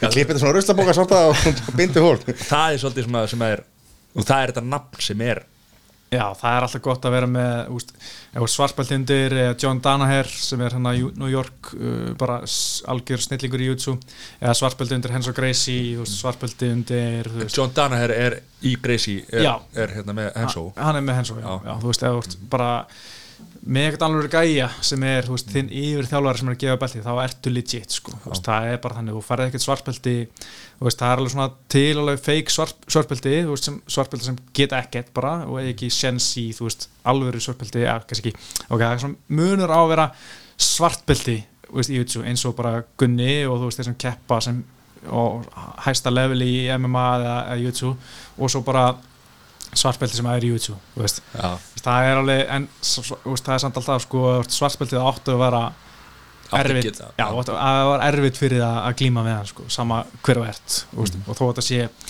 fertur lögfræðingur, þú veist á Íslandi, veist, og hann er svartbeltið og hann samt, og hann samt alveg ströggla við að keppa við hann, að glíma við hann þó að þú sért heimsmestari 25 ára og styrja með eitthvað, þú veist, og bara tæknin á að vera það góð hjá þér, það mikinn tíma á glímunum og þá átt að vera svona legit, sko. Tökum það satt fram að Sæþór ekki færtur. Við Guðjóns, hérna, sjálfstæðismæður Er hann með, júdó þjálfari, er hann með svartbelti eða? Ég veit ekki hvernig hann er í júdónu sko. ég, ég hef aldrei hitt um hann að gæja fyrir hann að fóra að blanda sér í borgarstjórna pólitíkina Já. Gæti ekki þessi fengið en hann Kristall hérna? Máta smá aqua hérna. Það er líka reypt ah, Það er meira í vatn, vatninu sko. Á degi björsins maður. Þú með það Herru Mér langar að fara yfir nokkra gæja sem að hérna er áhugaverðir sem að hérna fyrsti maður er, er James Gallagher. Sæður, þú ert múin að hitta hann. Já, Manstu því? ég, ég bara tók hann niður og bara, það var bara auðvelt sem misjá sko. Það þurftir endur ekki að taka hann að liða hann er ekki voðalega hári Nei, hann var, hann var, hann var lá, lágvaxin Já, hann er ekki stór sko. Já. Ég er bara að þekka hann lengi sko. Ég kynntist hann fyrst uh, í Portugal 2012 Þá var hann, hvað Hann er svona 14-15 ára. Og við erum í hérna Gunni með eitthvað svona námskeið í, í Lagos í Portugal. Þetta var svona surf jiu-jitsu námskeið Við vorum að surfa á morgnana og glíma kvöldin og Gunni var með kennslu á kvöldin. Hvað, akkur, akkur kost maður ekki þetta? Ég veit, þetta var bara úst, eitthvað, einhver litli gimmi í Portugal sko, einhver gæi sem John Kavanagh þekki sem bað Gunnar um að koma og við fórum nokkru með og Þetta er geggja það var ógæslega gaman sko, bara geðvett sko. Þetta er svona eins og fyrir okkur. Matti, að það er bara, þú, þú bara hambúrgar í hátteginu og pizza kvöldin bara í heila viku sko. Og bjóra milli. Ertu að grínast það? Þetta var, var styrli gaman. Og, Já. og þetta var uh, James Gallagher með hérna, fekk leiði frá mömmum og pappa til að koma. John Kavanagh var hann líka og hann hugsaði bara svolítið um hann sko. Og þarna bara kynntist maður honum fyrst bara þessi, þessi ljúfi ungi strákur sem bara hló og hérna, hló og öllu og fannst allt fyndi og bara var bara ógslag vennulegur og svo eftir þetta koma nokkur sem til Íslands var æða með Gunna og strákurinn þar og, og ógslag ljúur og skemmtilegur. Og svo allt inni svona fór hann aftur að keppa í MMA og tók, sko, tók sér fyrsta barða 13 ára gammal eða eitthvað. John Kavanagh var hann í húsinu. Sagði að þetta er ekki lægi hans í 13 ára gammal að keppa móti 22 ára gömlum gæja og hérna sagðist ekki vilja að þetta færi fram en þetta fór fram og James Gallagher hitti John Kavanagh eftir og hérna vildi fara aðeins með honum og, og hann fekk það endanum en þurfti að lofa því að hann myndi ekki berast aftur fyrir en John myndi sé honum gjónulegi þannig að í nokkur ár var James Gallagher bara að æfa mikið að einbytt sér að glímunni og hérna og svo 18 ára fór hann aftur að keppa MMA og þá þegar hann fór aftur að keppa MMA þá sá maður þessa nýju hliðar maður búin að þekka sem þessi ljúfi hérna hóari strákur. Og svo fór hann alltaf inn í með svaka kjaft á, á netinu sko, postaði einhverju með þvílíkar eh, staðhæðingar á Facebook og hérna mikið að rífa kjaft og segja hinn á þess að sé pussa og, og allt þetta sko. Og það hefur bara gert helling, helling fyrir hann og í dag er hann bara hefur hann bara mjög gott sko. Var hann þá einhvern veginn að leita í skólan hjá Gregor eða Já. svona, já, búa sér til eitthvað svona láta bara henda nafninu sinu fram og þú veist, svona vitundavakningu á, á að væri mættur sko. maður sér það líka bara töktunum sem hann er með í, hérna, í vikturinni þú veist bara eins og vikturinn fyrir síðasta Bellator að þá er hann þú veist að gera eiginlega nákvæmlega sama og konar að gera þú veist bara með handarhefingarna og allt það Já. mér finnst það pínu leiðilegt sko þú veist hann getur alveg verið að æsa upp fólk og en það er ekki að gera nákvæmlega sömur hefingar og konar að gera sko en ég meina hann er top náðungi sko. Já. mjög gaman að hann sko. En já, hann, er, hann fór bara yfir í, í Bellator og er bara Já, er, er búin að vera það síðan, það ekki, þegar hann fór frá þessi það var aldrei í þessu Nei, sko. hann, hann fór, við. Hann var bara einhverju minni, minni samtökum Já, hann var einhverju minni samt, já, já.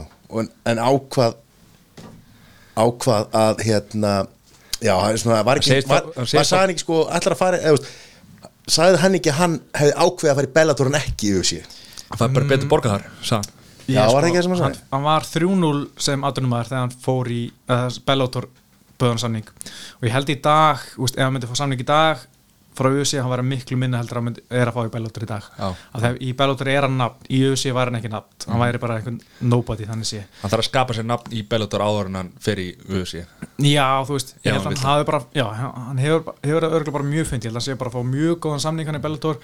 Hann var aðal uh, númerið þannig í Dublin um síðustu helgi og þú veist, það er uh, ekki margir sem getur gert það þú veist, í Bellator þannig sé sko, hann er þeirra svona Connor skilur Írlands sko, veist, hann, þeir selja með á honum og, og það virkar, það var uppselt og bara geggju stemning hann í Dublin síðustu helgi Ungur og upp, upp, upprennandi. Já, nóg eftir, hann er hvað, 8-1 núna, 22 ára veist. Hann skellir hann í síðasta barðaði sem hann tapaði sko, eða þar, þar síðasta þá. Já, já, já, hann var skítapaði það var alveg alveg tekin í karpúsi þar sko. en, en svo fannst mér hann taka því öllum mjög vel í öllum viðtölum eftir á. Kom mjög vel fyrir hérna hjá Ariel Helvani og, og hann kom til Ís, Íslands stutt eftir það og bara, veist, alveg sami gæi og alltaf sko, bara mjög hóar og keft á Íslandsmyndaramótur í Jötsson það Já, ok. Var mjög fyndið. En hann er náttúrulega bara, eins og þú segir eins og þú varst að tala um á hann, hann, hann er bara með bókinans með- fyrir fram að sig sko, og, og Kavana væntalega líka það vegna þess að bókin sem að Kavana gaf út var hérna you win and, and you learn. Þú veist, win or learn, ekki win or lose sko, þannig að það, mér finnst, mér finnst þetta skipta svo miklu máli sko að menn taki sagt, veist, eins og Ronda Rási tók tapinu en það var bara, það var.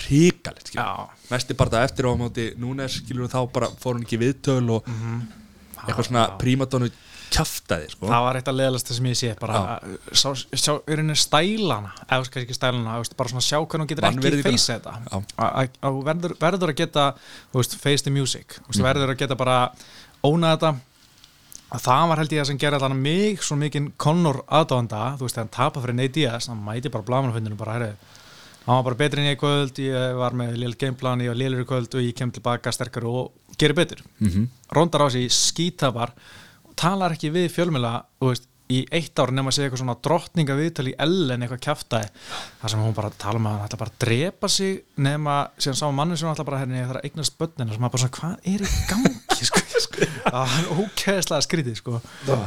En hvað er framöndan hjá verður Gallagher einn stóru konara Ég held ekki sko, þú veist, bara í fyrsta lagi er bara Conor bara einstakur karakter og talent í, sem íþróttamæður Já. hann er styrla góður í því sem hann gerir í búrunu og þó, það að geta sett þessa pressu á sig með allir með kjáft ég held að sé bara örfáður íþróttamenn í heiminu sem getur gert það sko. og ég held að James sé ekki það sérstakur íþróttamann getur gert það sett svona miklu pressu og svo er hann bara held ég ekki eins veist, eins og Gallagher vinnur með því að taka með niður og söppa þú veist, Conor er að róta menn veist, það verður alltaf miklu starra heldur en þeir sem er að vinna á söppi sko. en ég held að verða muni eiga flotna fyrir og allt það Gallagher sko, ná, bara ná inni og allt það. Er þetta ekki fegin að skilja ekki íslensku? Nei, ég myndi örgulega segja þetta Nei, ég myndi kannski ekki segja allt það eins En þú veist, ég held bara muni ekki vera eins stór, mér hefst hann ekki vera eins mikil íþróttamæður eins og Conor veist, Conor er með ógslag hraðarhendur mm. skeggjaðan sprengikraft.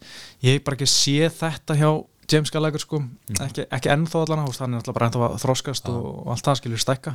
En við mælum með að fólki fylgjast með honum af því að þetta er topp náungi eins og við segjum og, og hérna Já, og þú veist, komið inn að hvað, örugglega 20 sinnum til Íslands eða eitthvað og alltaf bara mjög næs og, og, og hérna og bara al, almennilegur sko. Mikill Íslands vinur. Já, hann elskar að vera hérna annar maður í Bellator. Mm Dylan, Dylan Dennis. Já. vorum að ræða hann aðeins á hann uh, Það er ekki skemmtileg maður. Ekki, Nei, ég, ég hef aldrei hitt hann en eitt hann en bara, veist, þetta er bara einhver, veist, hann bara hermir eftir öllu sem Conor gerir og er ekki búin að gera neitt en ég, veist, ég held að hann sé bara svona trolla, veist, hann er bara að koma sér í umræðina með einhver fáralegum staðingum, hann er að einhver, hvernig var hann að skora á hérna?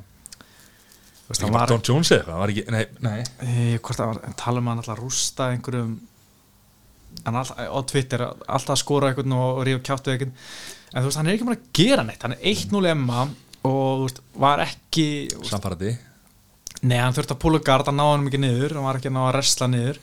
Þú veist, og hann hefur ekkert, svona merkilegt fyrir mér, hann, veist, hann er mjög góður glímaður, engin spurning þú veist, bara alveg einn af bestu heimum, heimi en, en samt alveg hefur hann ekki náða að vinna gæðan svo, hann mun ekki að vinna Gordon Ryan eða þessa allra bestu í YouTube dag, hann er samt alveg nála þeim.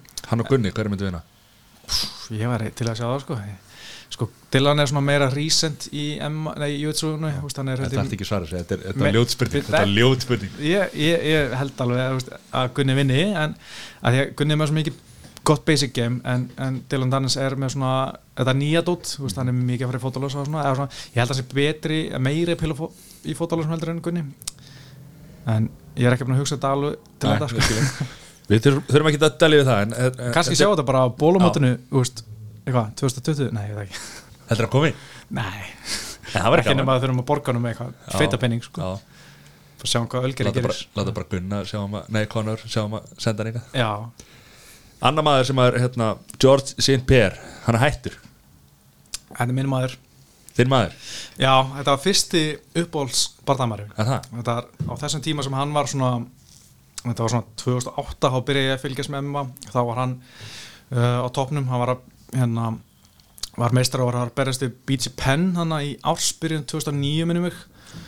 Og þá hérna var ég svolítið að horfa á þessu countdown þætti eða primetime þætti hérna uh, hjá GSP og, og BG Penn og ég er bara ég er ekki að fíla BG Penn en ég Ég veist, það var eitthvað BG Penn sem ég var ekki alveg að tengja við en ég var ógæslega mikið að tengja við við George St. Pierre og þú veist ofta ég, veist, ég var að byrja í YouTube þannig búin að æfa í YouTube í halvt ári og svona tvillir þreytir nenni ekki á einhver þau hugsaði bara myndi GSP sleppa einhver?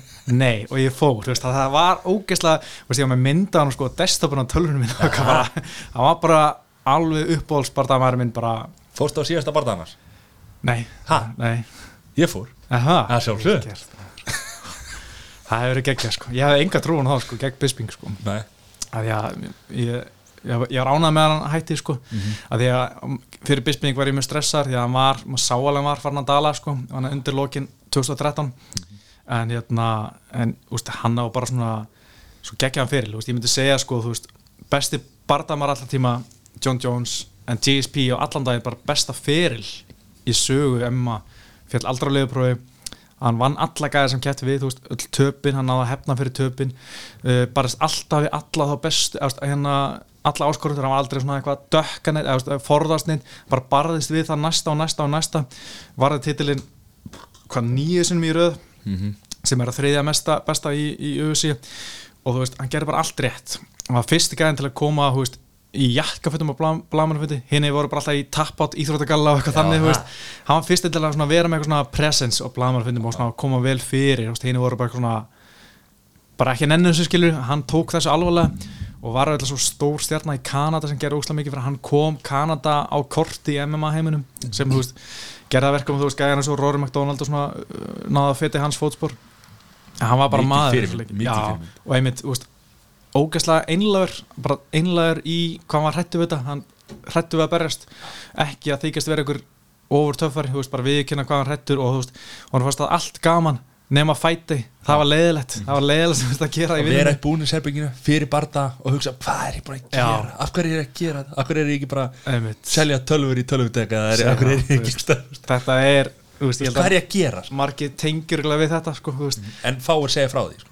Já, algjörlega, það er að, skemmtilega að vita og, hefna, og hann átti svo magnað fyrir sko, og ég bara hlakka til að hann gefur út eitthvað svona almjöla æfisu, það væri mjög gaman sko. ég, ég man allan, ég las eitthvað svona uh, svona kapli um hann í eitthvað bók sem ég las að þá, hérna, eftir að vann titilinn hérna gegn uh, Matt Hughes þá fór hann bara að jamma svolítið og æfði lítið og var síðan að verja titilinn í fyrsta sinna móti Matt Serra hann æfði lítið fyrir þann barða og síðan í uppbytun lítur hann drullu vel út sko og er bara hamra á pötsunum og allir bara ok, þetta er komið.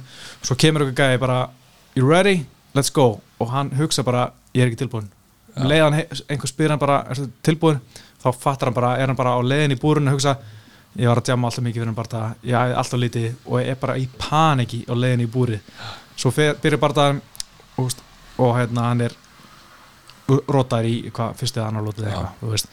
og það var svo ógeðslega góð leksja fyrir hann því þá hugsaði hann bara hann alltaf að gera þetta almennilega fór til íþróta sálfræðings var hérna fyrst í MMA til þess að viðkynna það hann fær til íþróta sálfræðings til að díla við, við tilfinningarna og óttan og, og allt þetta og hérna náði að nýta þessa reynslu til góðus þegar hann var kildi, að, sparkaði niður af Carlos Condit veist, þegar hann mætti honum nokkur ára senna Já. þá kom svona flashback bara herri, ég ætla ekki að gera saman síðast ég ætla bara að nýta mér þetta á að vera rólur og þú veist, náða að snúa sér, vil og vinna þú veist, það er bara allt svona sem er svo geggja við hann að gæja. Og svo er hann bara líka nörd þú veist, hann er bara að elska risaðlur og þú veist, það var bara laður einelt í skólanum þetta er bara svona svo margt við hann sem er ekki hægt að hata, þú veist.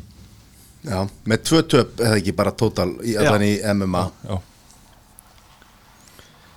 Er flott mæli, mæli með því að fólk bara kynni sér hann sko, þetta er svona geggi fyrirmynd, Já, talað um ekki, ekki, ekki góða fyrirmyndir. Mm. -hmm. Díaz bræðinir ah, ok, það var annað koma ok, Díaz, já, hvað er þetta að vera koma? Colby það kemur sérna Já, Díaz maður, já.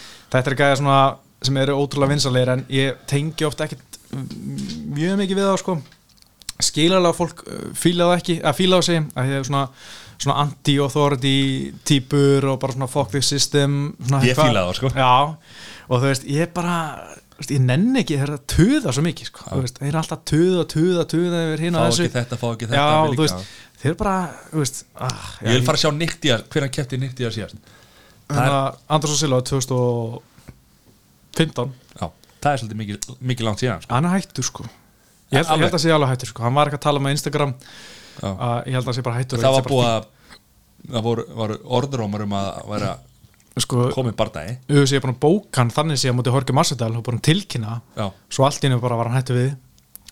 Engi veit af hverju en ég gæti líka smá trúa það auðvitað sé hafi bókað þetta bara aðeins að hann væri búin að skrifa eitthvað undir sko. Já. að ég sé sko pínu ég er búin að heyra það að hérna þeir eru fann að tilkynna bara það á hans að menn sé búin að skrifa undir sko. Já, það er pínu setja pressi á já, svona, aðeins.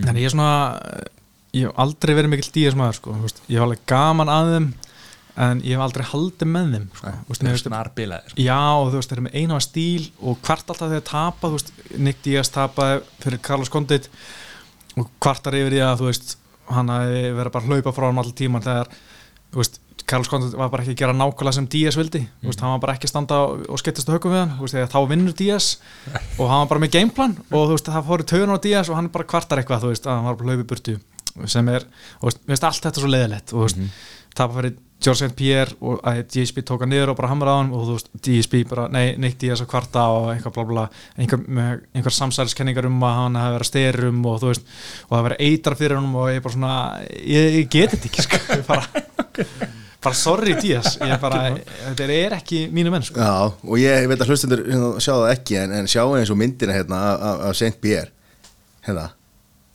á, ba bara á Wikipedia svo fyrir við í Nick Diaz á Wikipedia þá er hann úr fókus og svo fyrir við í Nate Diaz og það er úr einhverju sko næstjú fókus og úr einhverju partí en, en okkar maður St. Pierre sko þetta er bara En DSP er samt alveg mikill jammari sko, hann drekkur ekki alltaf sko, en hann hérna, hann jammar sko, hann, hann finnst gaman að fara út á lífi og, og mikill kvennabósi. Okkar maður Já. þess vegna elskar þið St. Pierre Matthías. Ég Herra, hvað, við erum búin að taka John Jones og dópið og þetta ruggleika, ég nenni nú ekki fara yfir það eitthvað hérna uh, Svona bara löflétt Kormér og, og Bay, hvað er hérna framöndan? Já, sko stípið er bara hægt að tuða Já. og fara að berjast sko. það er minnst eitt af leiðar sem við veitum við erum menn tuða og tuða og eins og TJ Dilley svo að menn bara, þú veist, þú tapar og bara sætt að við að vinna næsta barða og vinna upp í titilbarða Hann vil fá Kormér aftur Já, En Kormér er, segir nei takk, Já. hann ætla að fara Kormér er auðvitað að fara líklast í Brock Lesnar sem er alltaf sorglegt og hræðilegt alltaf en, en hérna, ég myndi bara vilja sjá þú veist, Bay, Francis. Bay á núna bara standa upp og segja bara Francis, kátti hérna. Já sko, mér langar frekar að sjá þú veist, að mætast aftur eftir aðeins lengri tíma, það, þetta var bara janúari fyrir það sem mættist, mér langar að sjá Engano bæta sig aðeins meira. Það var aðeins skemmtilegra en, en auðvitað var ég veit ekki, Derek Lewis, hún er Dos Santos eða kannski, hann er búin að vinna að keppa tvis á Santos sko. kannski Derek Lewis vinnur Dos Santos keppa hann, en hann er bara að fara að berja sko. hann Já, er bara að tuða og tuða í Kormir, bara hæra okkur berst ekki við mig, berst ekki við mig. En Kormir er mittu núna. Getur ekki bara stöðan sko. En maður skilur alveg okkur úst, Stípi að vara honum og séðan kemur uh, Kormir og bersti Derek Lewis með þryggjavíkuna fyrir það og Stípi bara prjálaði, okkur er ég ekki að fá hana bara það. Maður skilur alveg. Já, já. en ég menna, Kormir sagði bara ég myndi ekki berjast við því með þryggjavíkuna fyrir það og hann er bara of góður þú veist, og hérna sem er alveg vel, velskilinleitt en Stípi það bara hætta að tuða og, og fara að berjast. En er það ekki rétt að er Kormir ekki búin að segja hann að taka eitt barndagi viðbót og hætta svo? Hann ekki að gefa það út? Hann ætla að hætta fertu um fertu Já, hann er orðin verið færtur í mars. Er er það var svona cirka að taka eitt barndag og hætta en hann er búin að fresta því sko. hann er búin að fresta því? Já, hann ok. var eitthvað meittur getur ekki alveg bara strax og ég sko væri til í veist, bara brokklæsna bara, ef að gera þetta bara þetta af mm. ég, þetta er leðilegast í heimi en ok, fyrst að við erum komin hanga bara að klára þetta svo bara DC, John Jones í þungavitt sko. það væri held ég geggja Síðasti sko. bardaginn og Já, svo bara hætta vera bara hérna kommentator, hvað er þetta? Hérna, Já, lýsandi Lýsandi. Já, ég Það góður þá bara DC Stýp aftur sko veist, hann, það er bara veist, mér langar bara að sjá hann einmitt hætta meðan hann er þokkalega lægi, hann er ekki búin að, hann er búin að einu sinni verið rótaður Mhm. og hérna þú veist, hefur átt mjög flottan feril og þú veist, og hann er þetta svona með búin að- að spá í svo þegar menn eru farin að spá í að hætta þú veist, þá er svona, Já, það er ekki mikið eftir, sko. Conor, er hann bara koni viski bara á hættur þessu bulli eða? Ég, ég sko gruna það að hann og Serróni munum nú mætast.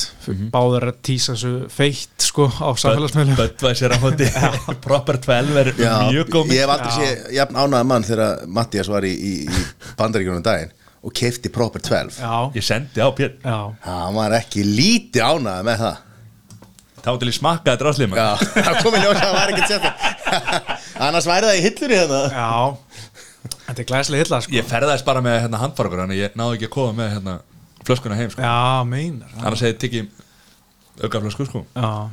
Þetta góð er hitla. ekkert spes sko Nei, þetta er Já, þetta er svona og svo var ég að tala við hann í síman í dag Við Conor Nei, já, við, við, við, við sér að Mattias og, og hann er í vínbúðinni og er á kassanum staðar og er að spurja hann, og, veist, ég heyri ekki svo heyri ég bara svona áttu þetta proper 12 og eitthvað, starfsmann eitthvað að spurja það er ekkert rosalega dýrt það er ekkert rosalega gott. Þá er hann að tala, er bara með símar staðar og ég er bara að heyri eitthvað samtal sem hann er að eiga við, við starfsmann Já, með Airpods maður bara í og hérna og re- reyna að kaupa Prophet en það er ekki komið til Íslands. Þannig að við, hérna, við köllum eftir því að, að, að, að Við fáum, vínbúðin við fáum þetta hérna Flytji. på hillinu Leða þetta kemur til hans. Já, já, ég, ég er búin að vera að pæla í að, hérna, að ég, ég er búin að leggja þetta allan til við tvo sem eru í þessum brasa það er allan ekkert ennþá að gera sko. Nei. ég var að spá í þessu sko þegar þetta var komið fyrst inn sko. Eða, þegar Conor talaði um þetta fyrst bara eftir meiguður bara þannig bara hvort maður ætti að stökka á þetta sko fara að selja þetta eitthvað en Akkur ekki? ég veit ekki ég kann- fyrir þetta verkefni bara. Já, ég hef ek- ekkert vita áfengi sko. Ég hef ekkert vita viski heldur sko. En, en Ef það er einhver maður hérna sem veit, hefur vita á þessu þá er lögfræðingurinn hérna af því að hann er nú innbyrt alltaf Það er reynslan. Það er reynslan.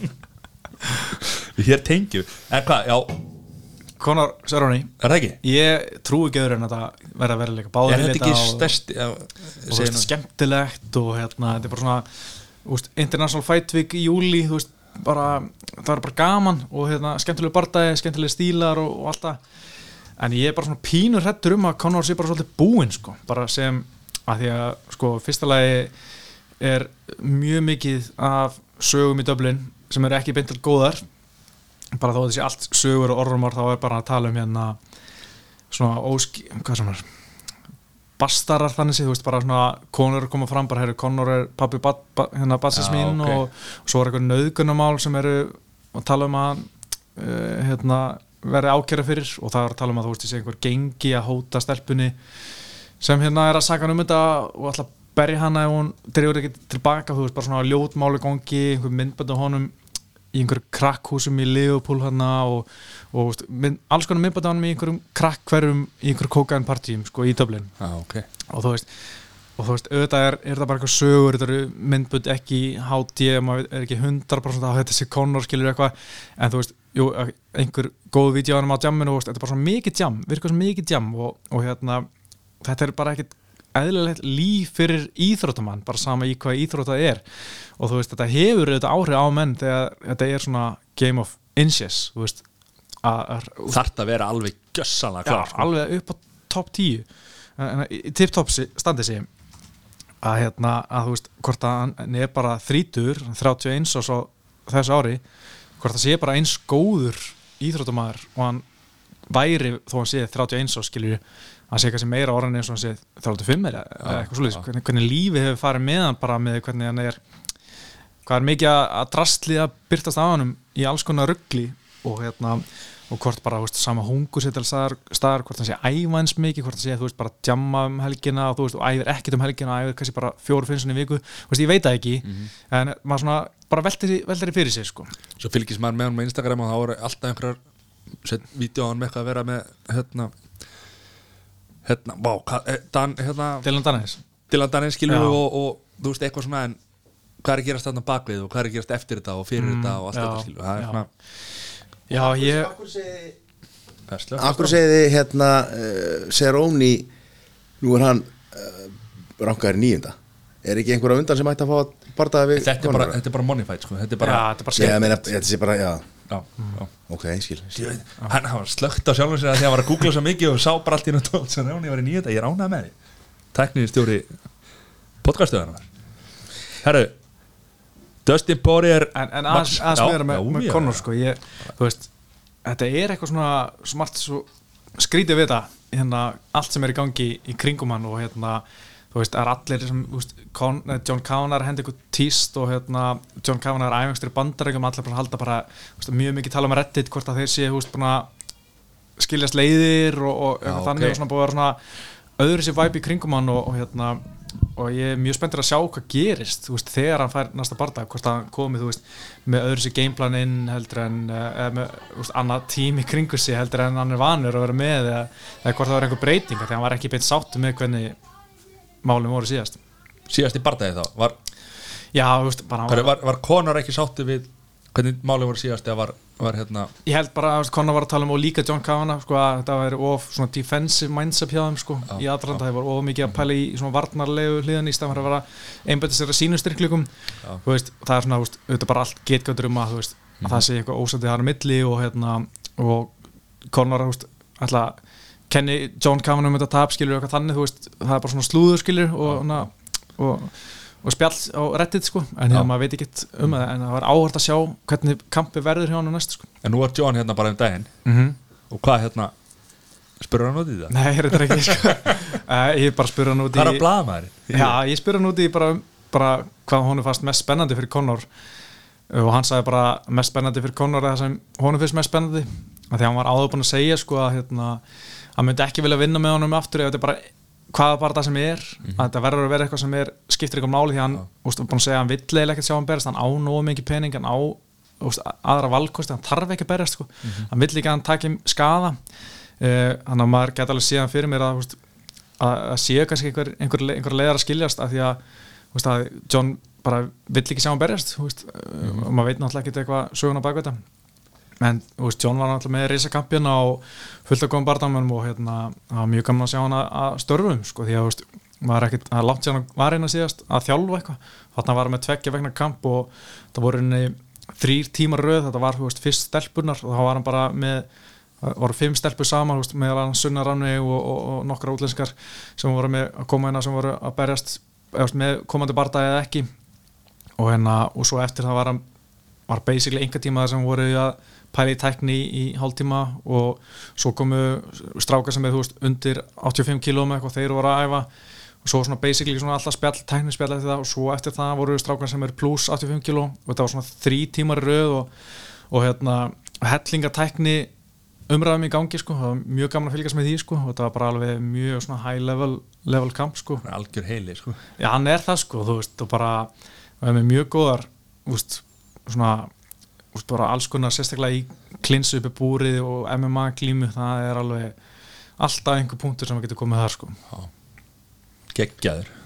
Já, þetta er sko Við erum búin að býja lengi eftir hvað Já, lengi, síðan að hann tapaði fyrir Khabib hvað konur ætlar að gera sko. Og, og náttúrulega fyrir bardaðan við Khabib þá var líka verið að spá í hvað ætlar Já. hann að gera eftir hérna meðveðir bardaðan þannig að hvað, ég mitt, sko, hvað ok, þið segið Seroni hérna einhver money, money hérna, fight eh, sem að fólki vill sjá. Mhm. Eh, það er náttúrulega aldrei það er aldrei titilbarta er, er Conor, er hann ok, jú, hann fyrir með við, en er hann ekki alltaf samt, eða var alltaf að reyna stefna alltaf að vera með titil? Eða er hann bara dottin í það að hann er til í peningana ef, að, ef að þeir eru í bóði þú veist að því að nú er komin þetta viski hann er vendarlega, mm, Það veit er það einhver fatadæmi og eitthvað svona. Það veit það enginn sko. Sko, ég held að uh, sko, ég held ángreins að þessi titlar skipti engum máli fyrir svona aðdæðandur upp á paperu að gera þegar það er Conor, það er bara Conor er berast að með að tjekka þessu.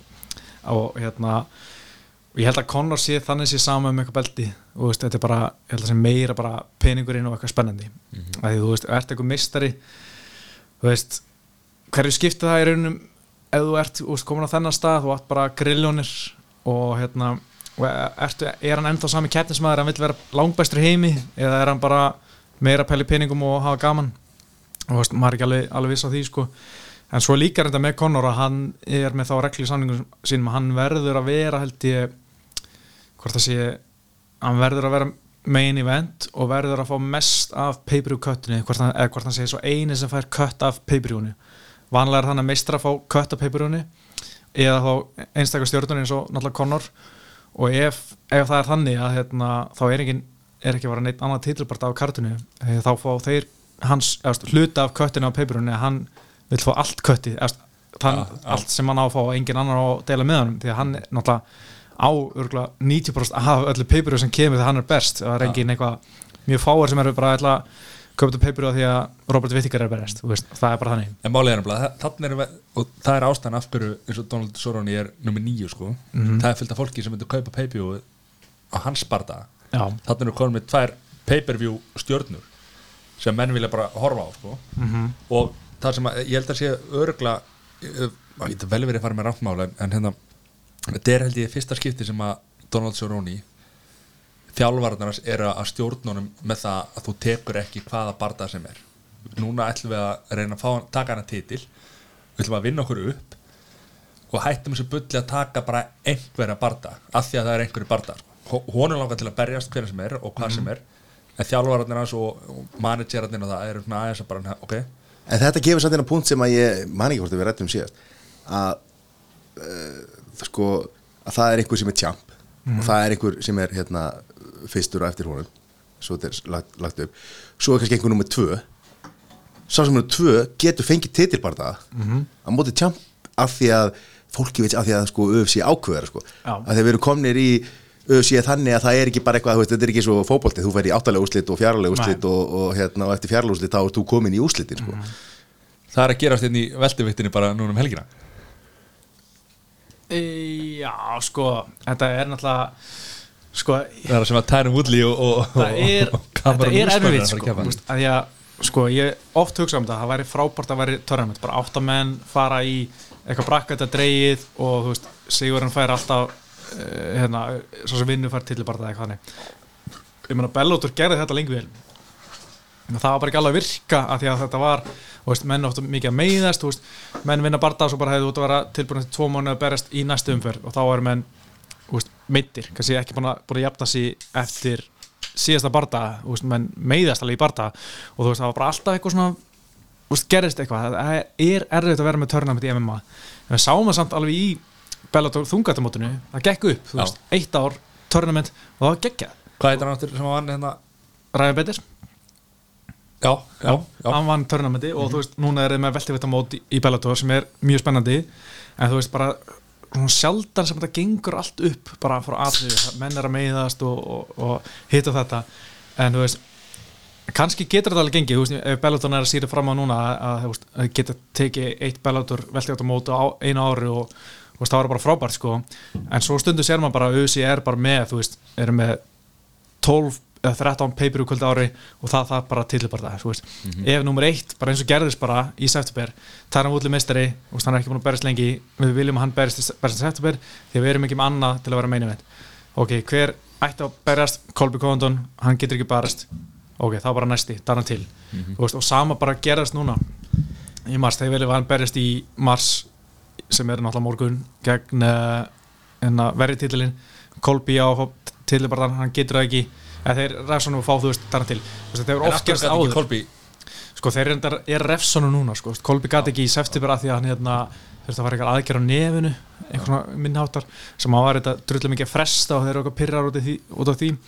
En þú veist Kamur Úsmann var tilbúin að berjast í Kolby í januar um eitthvað interim kjæftæði spelti en Kolby sagði nei.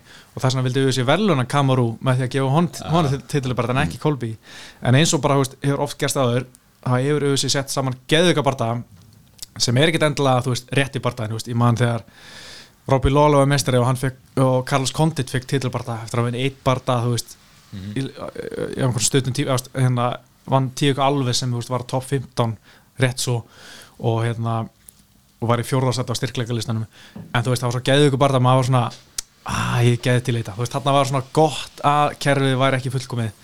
Að þarna fekk bara geðið ykkur áskorandi til tækifæra beltinu en ekki endilega svo sem átt að fá titilbarni, ég man ekki hvort það var örgulega Tyron Woodley sem var, þú veist, sópa til hliðar fyrir Carlos Condit eða eitthvað þannig sko.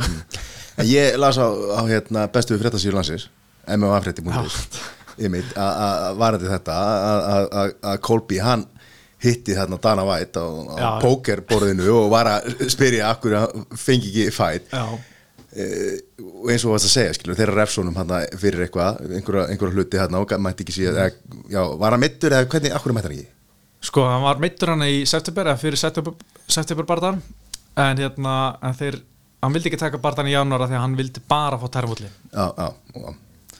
Og einmitt, þa- þarna er þessi hérna, barndama að reyna að hafa áhrif á Dana White skilur setja þetta á hérna, samfélagsmiðluna Þeir einhver fæ fóru, ekki sa- þeir, þeir og- fóru saman hvita húsi sko. Já. Dana White og, og Kobe Covington sko. Klárum, eh, Mér langar að klára eitt, eitt smáadri eða ekki Já. smáadri, eitt svakalegt adri árum fyrir mig Kobe Covington og, og hérna ég held að það sé áhrif fyrir já, nei.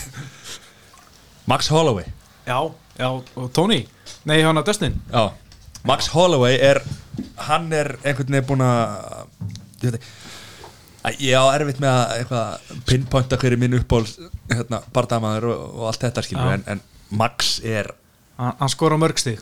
Já, Já, sko, ég, á, ég er alveg á svona uh, tvær hliðar á þessu. Sko, ég elska að mjög óslega gaman að horfa á Max Holloway gaman að sjá hann fara upp af því að hann þetta kött í fjæðaruft er erfitt fyrir hann og maður langar ekki að sjá hann þjóst, maður langar bara að sjá hann fara upp í léttut og gera þetta almennilega en hann vill ekkert fara upp í léttut og þú veist, ekki vera með neitt belti, þú veist, hann vill bara fara upp í léttut til þess að skora meistaran en það er svo Khabib getur ekki barist strax og það er auðvitað Dustin og Tony Ferguson sem er undan honum í röðinni alltaf, veist, það er svona þrengsli þetta er bráðabrætt jössis fucking helvítis belti maður. Já, nákvæmlega.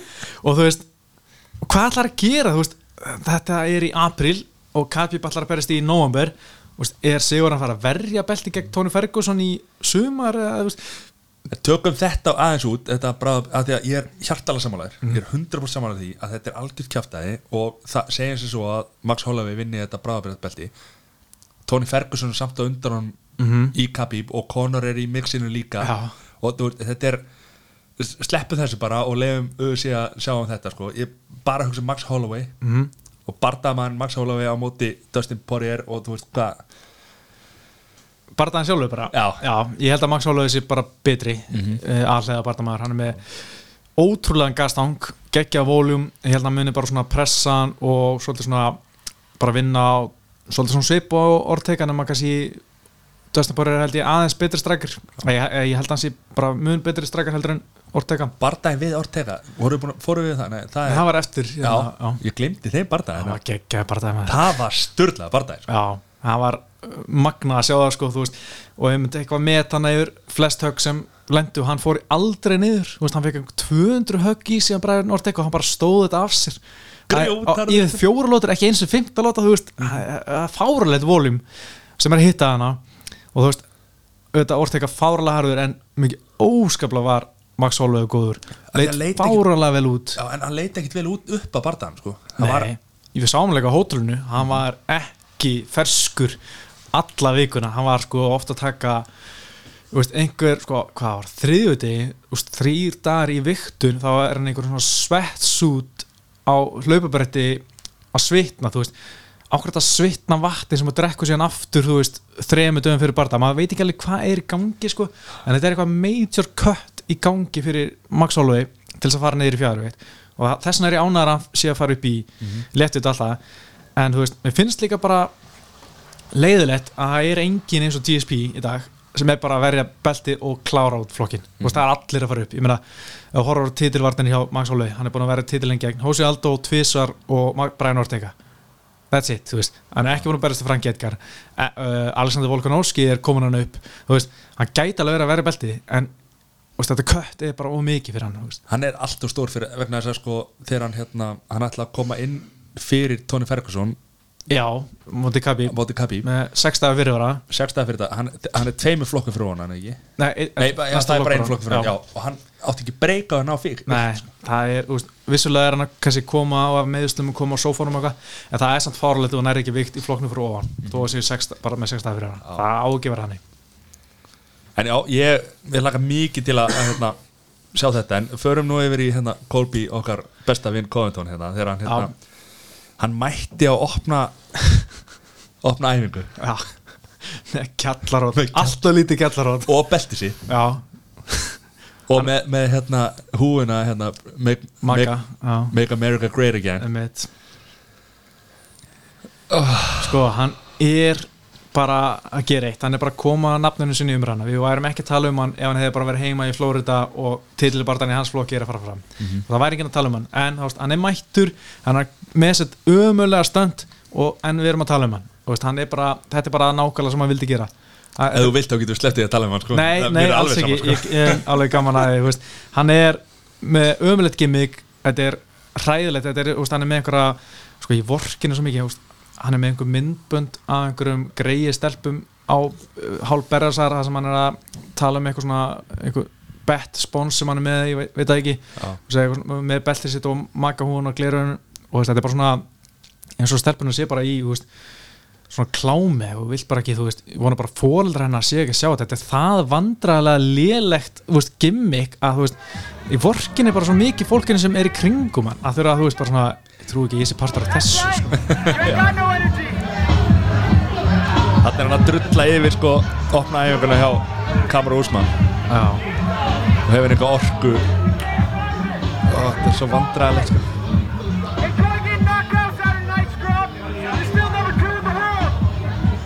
Það voru rotaður og já, sko. Með belti, með belti hérna á lofti sko. Þú veist, þetta er ótrúlega deindakamanni hann var svo vennilegur þegar fyrsta árun í hann með það einn af fáin sem hefur skórað á Gunna. Og það er bara svona, ég var til að berast í Demi Maja, Dóngan kem, ég er bara Gunnar. Og þú veist, ógæslega vennilegur, svo allt í einu bara ég er hann fáti, ég ætla að vera eins og fáti og þetta er eitthvað svona voru, voru, menn voru að tala um að hérna, hann hefði farið í bankan hjá honum hérna, sem með var hann há hann í hérna í Vá, hvað heitir hann sem er með í hérna á ESPN með, Ariel Helvani, já, með honum hérna. Hérna Kalssonin já, hann hefði farið banka, með, banka hjá honum og, og, og, og hann sé eitthvað já, já, honum í þessi PR-standi og, og hérna sé hann er bara að gera allan að verri heldur en Þú veist, hann er ekki fyndin, hann er Nei. ekki skemmtilegur hann er ekki svona sjarmerandi eða neitt. Þetta er bara svona þetta er bara svona lélegt, leiðilegt og þú veist, maður sér líka fólk er ekki að- að fíla þetta, þú veist, hann er ekki með marga fylgjendur á Instagram og, og Twitter. Ég meina, fólk er bara svona, að það bara segir bara að fólk er ekki nenni að þessu. Þú veist, það er ekki nenni að hlusta á þetta en samt, auðvitað, allt sem hann gerir er að fá fyrirsagnir og, og allt það sko, en mér finnst það bara allt vera lélegt og allt svona fake. Og þú veist, bara svona dæmi um hvernig þú veist ekki að gera þetta en eins og segi, þú veist, hann er að koma nafnunni sína á framfæri. Ég held að það er að berjast um titilin hans flokki. Þú veist, það er erfitt að þú veist, hann er í umræðinni áfram og þetta er auðvitað frábæk gæi en hann, þetta er bara ógislega leðileg karakter ég held að það sé ekkit frábár gæði, Ekki? sko. nei, Nei, okay. en ógislega ég held að það sé frá Nei Herru, en það er líka eitt viðbót með þessi hérna, hann, hann mætti hann að fóra að leita Deina og er með síma sem, hei, finnur Deina á einhverju pókur bara, eða blackjack ég veit nú alla, eða 21 eða hvað sem hann er og hérna og þá er hann svaka kall bara Deina, hvað er til bara það megin og Deina segir bara hætt að taka upp. Og hann bara ok. Og verður svona eins og kettlingur og fyrir baka þú veist, ef hann væri alvöru gæi ef hann var að meina þetta, þá myndi hann ekki þú veist, fara til baka og leiða og Deina segir hann hætt að taka upp. Þá myndi hann halda áfram og vera með sömu stæla og sama attitude. En um leið og kemur eitthvað smá móti þá bara, ok, sorry, eða veist kemur eitthvað svona, verður eitthvað svona kettlingur sko. Hann vil meina að þetta sé svo mikil uppger Hann er að reyna Já. að vera eitthvað töff þó hann sé ekki Þú veist, ef, ef konur hefur verið í sömu spórum Ok, Einmitt. kannski ekki á sama stað og konur er í dag En, en kannski eins og konur var kannski þegar hann var að byrja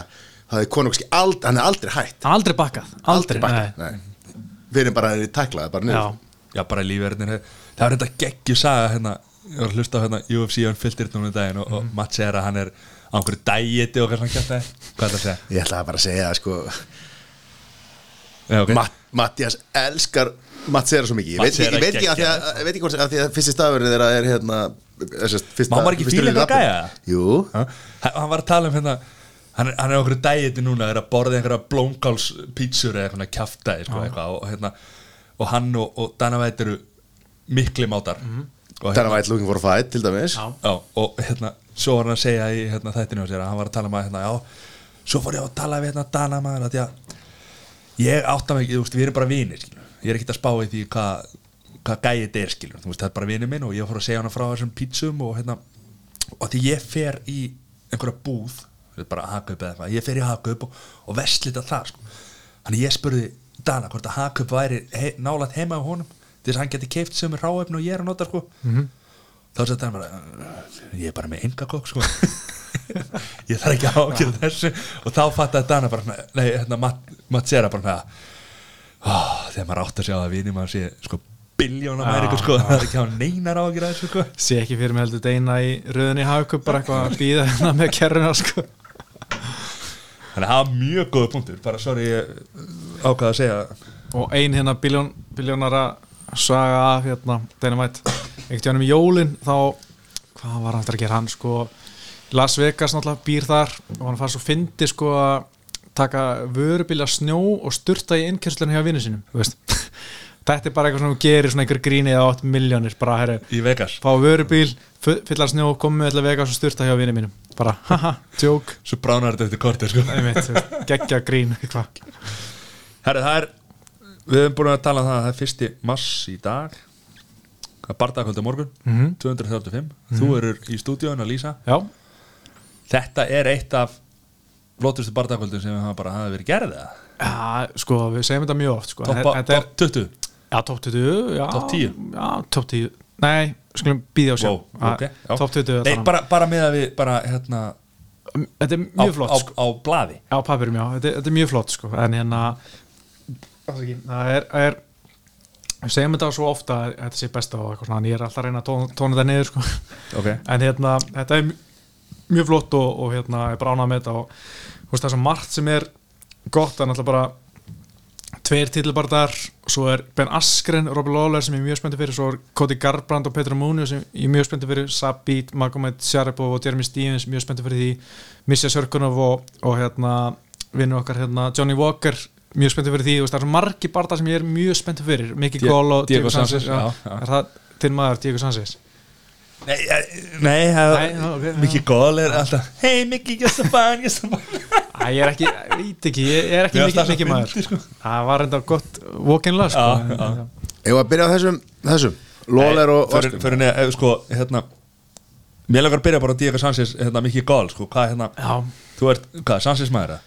nei, alls ekki Nei, ok. A- Alls ekki, sko, Sanchez hann er svo skrítin, þetta er skrítnasti maður í heimi, Mhm. en hann er með hjarta á réttum stað, maður sér það alveg, hann var ekkert hann var eitthvað gæi í Albuquerque, hann alltaf æfir þar hjá Greg Jackson sem er með Downs og hann, þú veist er geggjar Emma-fan og er að æfa svona í gimminu og hérna, og hann, þú veist, gaf honum svona tækja fyrir að berjast og barðist við hann í einhver svona grínbarda fyrir fram að fullt hús og þú veist, og það sem þessi gæi tappaði hann út, þú veist, hann er, þú veist, þetta er svona ógslag vel gert Diego Sanchez Já. en gæin er svo skemmtur maður, greið, sko, hann er búin að vera rótaður nokkur sinn núna nýla Hann er er með Ekki- 30 bardaga og 11 töp þá. Já, og þú veist, búin að taka svo mikið skada og, veist, og hann er búin að vera líka lélur veist, síðustu ár, bara svona ekki hann er bara lönguhættur ég var bara til að sjá lönguhættan og veist, ég var á fyrirlistri bara í þar sérstu viku hjá heilaskurslækni sem er Emma ámar, bóks ámar sem var að tala um bara CTE bara á hættunar og hann var að segja þú veist þú átt bara að hætta þegar þú ert hættur að bæta þig af hverju að vera aðeins við þú ert hættur að taka framförum þá ertu bara að fara að vera eitthvað journeyman og ert bara að taka skada og fá pening fyrir það en þú ert að taka skada og þú veist, það er bara svo lýsandi fyrir Diego Sanchez, hann er svo langt því að bæta sig, hann er bara að vera verri með hverjum bardaðanum og hann er bara að vera lungu hættur. Hann er Mikki Gól er að fara að taka þetta? Og mikið góli er bara að taka einhverja pulsur sko. bara að horfa það, veist, hann tók byrja að taka hérna, CM Punk, gæðan hann Mike Jackson, já, Mike Jú. Jackson og svo tók hann CM Punk. Svo tók hann hérna einhvern annan gamlan, ég man ekki hver það var og búin að vera svona að taka einhver svona gamla gæði og var að fara Diego Sanchez og var að skora Dan Hardy og svona, hann er ekkert búin að vera að mæta held að eini svona venjuleg gæðin sem hann har mætt var hérna Randy Brown að tapa fyrir húnum Já, og veist, þetta er bara svona okkur getur hann ekki bara að bara stöðu venjulega ég skilji. Teknir eitthvað trublakur hérna, við ætlum að flétta hann upp en það Já. er ekki að fara að gerast það þessi USA síðan alltaf ekki drusl sko. Við vorum að leita á MMA fyrir þetta en það það var ekki Ég þarf að tala teknistjóran þar En já, já, hann er búin að vera Já, ég er sammála því, hann er svona Þetta er eitt af þessi gæðir sem að voru svona lofuðu góðu en feng, hann komst inn í veginn og fekk bara pulsur eins og segir. Já, já, og er ennþá bara að vinna í þessu. Hann þarf að fara að rífa sig gang og, og hérna já ég get alveg trúan eftir að vera ókslega góður og allt það, en bara hinga til hann bara vera að berjast aðeins of uh, hvað er hann gaman? Hann er, ég að segja 25 Já, Mér langar að segja það en ég er ekki kláraði teknistjóri það- podcastöðun hann, hann, Vanta Wikipedia hana upp sko. Ok, Herri, sko ég mæli með UFC 235 Wikipedia og þá erum við með allt sem við finnum þar. Já, bara, it's one smell away. Ok uh, e- ef að taka Johnny Walker eitthvað hvað hérna, viltu ræða það eitthvað? Hann, hann, er, hann var að berjast núna bara fyrir stuttu síðan. Bara í gær, eða eitthvað. Það var ekki bara, Mjög stund síðan tók hann eftir hvað, var 15 sekundur eða eitthvað? Já, og þetta er skemmtileg típa en ég held að þetta sé ekki að vera einhver meistari sko. Hann var bara að halda sér í viskinu Já, ég held að þetta er bara svona hreskæi og veist, menna, með skemmtilega barda og svo hérna verða hann rótaðar illa ég held að missa sér kannski ekki það að morgun? hann, ég held að pakka hann saman. Ég held að missa, sko ég er mikið álega að missa Sirkunov uh, ég held að það var einhver gæði sem var að fara að gera eitthvað en, en svo tapa hann tveimur röð og svona aðeins hægt á hann en, en ég held að missa sér bara að taka niður og, og hamra hann sko. þannig að Walker er að fara að tapa því ég ætla að tipa það, já, okay. já. en tjóðlar leðilega að þetta verður byrt síðan allt eftir þetta verður allt byrt eftir þetta, sko. allir bara að fá að hlusta hvað ég er rátt ég er fyrir að segja mér. það, sko. Það, er, það, það er pressan sko. Jeremy Stevens Zabit Já, sko ég Mega, mega með de- Se- Sheriff Magomed Sharipov Þetta er eiginlega svo tvö nöfn eftirnandi Magomed og svo Sharipov Magomed Magomed þú- Eins og enn. Nei. Takk þú þetta eins og ný Magdmar Serbov Þetta var er flott. Helvítið mjög góð. Þetta er bara eins og lögfræðin sko, bara kjæst upp með hvaða bulli með. Hérna Má aldrei hafa gaman hérna? Jú, alltaf Hver er að fara að taka þetta? Sko, ég, ég er mjög spenntur fyrir Sabit sko Já, hann En er hann er alltaf frændans hérna uh, Habib Þeir, eh, ekki frændans, en þeir eru hann úr þeir eru sama hverfi Sama hverfi, Já, sko. Dagestan Og þetta er eitthvað styrlaðast sko. Sko, hann var í svona kung fu skóla frá tíu ára aldrei eitthvað, hann Sabit Mhm. og ég sá eitthvað vídeo á YouTube þar sem þeir eru bara með börnin bara í hardcore æfingum bara allan daginn og svo læra þær stafrófið eitthvað, þú veist, í klukkutíma á dag eitthvað, þú veist, bara örlítil bóklikensla, mjög mikið verkleitt hann að bara kung fu skóli og hérna, og hann bara kemur beint úr þessu, fer í hérna uh, MMA, fer í wrestling fer, gengur vel í wrestlingun hana í, í Rúslandi Dagestan, og Dagestan með geggja wrestling sko, og það er bara talendið þar er bara styrla svo ákvar hann að flytja til New Jersey og er að æfa þar með Frank Edgar og, og félögum og, hérna, og þeir segja bara sem æfa með honum að hann sé bara vangifið góður. En hérna, mér finnst hann vera mjög góður wrestler en standard er hann að taka mjög mikið svona spinning shit sko, mér finnst að vera svona að taka mikið fancy hlutum sko, sem lúk ókslega vel. En ég er smáhættur um að það komi einn svona bara að mæti hérna Jeremy Stevens og bara er ekkert fancy shit hérna, það er bara hæri krókur. Úst, bara, Og alla leið. Já. Í gólfið bara. Það er Jeremy Stevens er bara eitt svo högtingsti sem þú finnur í, í fjárveitinu sko, og hérna og ég er mjög spennt fyrir að sjá hvort að Sabib geti staðist þetta próf sko. Mér langar mikið að segja að Jeremy Stevens vinni Þú veist, það væri gaman sko, ég, er svona, ég pínu gaman að sjá svona veist, ég elska prospects en mér er gaman að sjá, líka sjá það að vera aðeins hömblega sko, veist, ég, ég er svo sammálaðir sko, og koma sér sterkara tilbaka Já, já, já. Mögulega, já. Þá er pressan farin að vera eitthvað undefeated í UFC og eitthvað þannig sko. En bara þegar maður lesi þetta nafn og maður sér sko bara myndin á honum. Mm það er, þessi gæði er ekki að fara að tapa sko. Nei, ég skilði því sko þú veist en ég, að ég er svona sammálaðir að hérna, þú veist, við erum á Wikipedia núna sko, maður er að horfa á myndin á hann sko. þetta er Þetta er ekki 28 ára gæi á Hann er mynd. fættur 91 og hann lítur út fyrir þess að sé sko gömul mynd sem var tekið fyrir 20 árum Já. og fyrir 20 árum þá var hann 45 ára sko. Veist, Þetta er og hann er svona í búrinu líka sko. Maður bara horfir á hann og maður bara, wow hann er búið með svona hundriði barda veist, í kung fu og, og striking og eh, alls konar striking og þú veist, það að fara í barda er bara svona bara eins og að fara í vinnuna sko. Þetta er ekkert eitthvað mikið mál þetta er ekkert mikið stress og hann virkar bara mjög afslappaður þetta er ekki að mæta, þú veist þetta er ekki að mæta átt að vinna, sko. hann mæti bara þegar hann, þegar hann búin að sofa sko. þú veist, það er bara sultu slag Hann var alltaf nývagnar á svona mynd sko. Já, hann er með sveigalega vinnutíma sko. Já. Já, ég er mjög gana og laka til að sjá hann á morgun Já, ég hlaka mikið til og hérna, en svo hvernig horfum maður að þessa bardaga þegar því að stöð 2 okkar best á sjónvarstöðu er ekki hérna, að sína þetta? bara fight pass. Fight Pass? Þetta er alltaf Fight Pass, allir prílins og öll Fightnet þannig að þú getur alltaf að séð Fight Pass og það er ofta að skipta um link. Eða ert að fara, fyrstu þrý sagt, er Fight Pass prílins það sem allir heiminum horfa þetta á Fight Pass en svo byrja hérna ESPN prílins sem eru yfirleitt fjóru barðar þannig að þú ert bara að skipta um link yfir á ESPN prílins á Fight Pass á Íslandi. Og hérna horfa á þetta þar. Og kostar þetta, hvað kostar þetta? kostar þú svo kallar mánuði eða eitthvað? Ekki neitt sko. Mælum, mælum með að fólk hérna. Já, negli það. Svo kemur hérna fyrsti bardagi á, á hérna á aðal bardagakvöldi bar, bardagakvöldi kvöldsins, já, flottur. Já.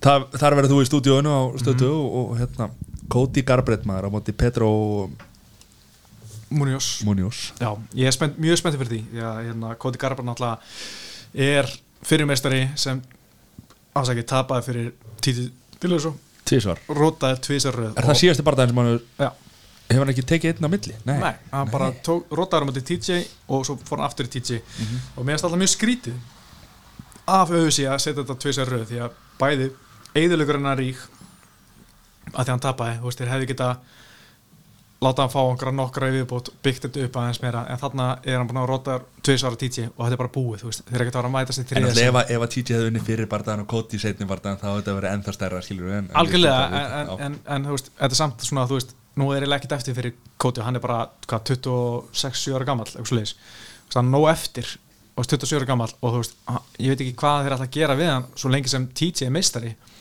veist, það er erfitt að fara að selja áreindum uh, þriðja barndan millir þeirra þegar það er búið að rota Koti tvisar af TJ sko. Hann þarf að vinna tvísvar, þrísvar samfærandi ég myndi segja sko, fjóra allan. Já. mjög samfærandi og hérna, en menn, þetta er bara það sem hann er að gera og hann er búin að vera þar að vinna sig upp og byrjar á Petr Munoz og Petr Munoz, ég er mjög spenntur fyrir honum, þetta er gæði sem komið inn í þessu, ég var ég held að myndi verða eitthvað en, en hann svona byrja að róla. Uh, fyrstu fjóru barndana voru tvö töp uh, eitt sigur, eitt sigur dændur ógildur en þeim fjall á liðabröð, var með eitthvað testustjórun Hann er alltaf háaldraðar Petró? Já. Nei, 32 hann er nú ekki neitt sko. Það er mjög mikið. Nei. En svo hérna er hann með geggja gilotín sko. hann er búin að vinna einhverja sex bardaða með gilotín á, á ferlinum. Reynda sjö, eitt dæmtur ógildur hann sem hann fjall að liðaprófi fyrir. Og hérna en ég er búin að vera að bæta sér mikið standardi. Og ég er smá hrættur um þú veist þetta er svona að þú veist búin að fá nýtt dót og viltu bara leika með nýja dótið þú vilt ekki vera að pæla í gamla dótinu sem þú veist var ókslega gaman einu sinni? Þannig að ég er smá hrættur um að hann alltaf bara standa með Cody Garbrandt sem er ekki góð hugmynd. Sérstaklega ert- ert góður glímaður eins og Petra Munoz þetta er bara heimsklassa svartbelti í gólunu að ég held að Petru muni alltaf skiptast á högum við hann og, og hann muni gjalda fyrir það og vera rótar í fyrsta lútu Það er svoleiðis. Ég held það bara, Cody kemur sterkur tilbaka Ég er ánægð með það. En ég var ógæslega til að sjá Petru ná gilutinni og hengja Cody. Það kemur skemmtilega tvist sko Akkur hattur að þetta er bara Nei, ég er veist, ég hata hann ekki en mér finnst þetta að vera eitt svo allra vittlisasti sem ég hlusta á sko. ég hlusta á hann tala ég bara svona það er ekkert í gangi þannig sko. Ég er, ég er mikið að spáði að fá mér hérna tattu á hérna hálsinn já, hérna self-made Já Við erum ekki Menn er ekki að kaupa það eh? Nei. Það er Tísa Torres Eru menn ekki spennt fyrir henni það? Nei, uh, þetta er ein leiðilegasta bardakona í heimi Já eða í UFC hún er sko svartbelti í jutsu nei hérna svartbelti í karate, svartbelti í muay nei hérna taekwondo. Hún er með mjög góð spörk góð standardi, hún er með allt til að vera skemmtileg en samt ger hún bara að halda stelpum upp í búrið klinsa og nær kannski einu teitani og ekkert meira, hún vinnur bara eins tæft og verður og er ekki að gera neitt. Hún er bara and stall, hún er bara að tefja og það fer svo taunar mér að því hún getur gert miklu meira. Einfaldasta leiðin til að vinna er að halda mönnum upp í búrið og vinna stegum með njáum í njáu lærið og þú veist kannski ná einni felli í lótu og svo stendur hann aftur upp, aftur upp. Þú veist, þú ert með einhvern einstakling er ég að vinna eitt barða til sex mánu þjálfaði mig, það er þetta bara strat, strategían sem kemur lengst, þú veist, tekur minnsta skada og getur gert þetta svona. Og hún er bara að gera þetta. Og þú veist, hún getur gert miklu meira en hún það ekki. Það fer ótrúlega í töðunum mér. Og ég hef aldrei sér skemmtilega barða hjá henni þannig að ég þóla hann ekki. Við elskum hreinskilning En hérna hún er að fara á Willi móti Chang. stelpu Veili Chang hérna, hún er flott hún er hvað, 81, búin að klára þessum Hún á ekki Wikipedia síðu. Nei, ég veit það, en uh, hún er 81 og ég held að sé með uh, 16 kláraða barða 9 submission og 7 rótöku eða eitthvað svo leis síðasta barða var ámætti hérna Jessica Aguilar. Ég held að hún er eitthvað þeng í USA hún var hérna fyrirmestari í World Series of Fighting eða eitthvað. Og hérna en gæti ekki neitt, ástu hefur ekki getað þannig sem mikið þú veist og Vili Sang klára hana sko, vann hana öllum vikstöðum hún byrjaði á að taka hana niður uh, bara komst í mount olbúana, náðu triangle úr mounti, olbúana meira úr triangle og, og klára hana svo með arbar úr triangle, þú veist, bara hún var að vinna allstar. Ah, mjög skemmtilegt sko. Þetta, hann getur vel að draumar þínu verið fyll, ég held, Reynd- Já. Þakka þér fyrir Ég held reyndar að tísa vinni sko. hún sé bara hún volin stóli sig í gegnum eitthvað splittir sig sem kjátt Bara uppi búrið og trampi á, á hérna Já, bara svona leðilegt á og verður bara. Það verður gaman að fylgjast með þessu. Já, sko, sang er samt svo skemmtileg. Ég vona að því oft er ég svo svarsitt á veist, að skemmtilegi barndamæri ná að gera sitt. En þú veist, ég vona innilega að- að skemmtilegri fætirinn sem er velið sang gerir bara sitt og, og rústi Tísa Torri sko. en, en ég veit það ekki, ég sé það ekki fyrir mér Það er- Þetta er skellur á því að sagði þetta mikil tísa Torres Ég er ekki, er þetta ekki sýsti Fernando Torres eða?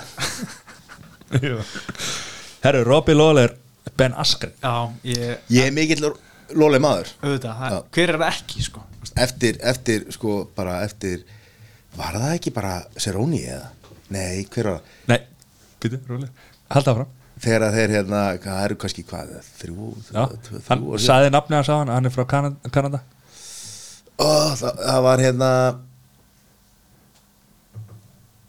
Hann saði það á hann Já, Þeir stóð, ég, ég, sko ég, veit, að ég, er- Nei, já, uh, Rory McDonald Já, já. flottur Og ekkert Wikipedia það var sko. Já, Og- það var Rory McDonald já. Já.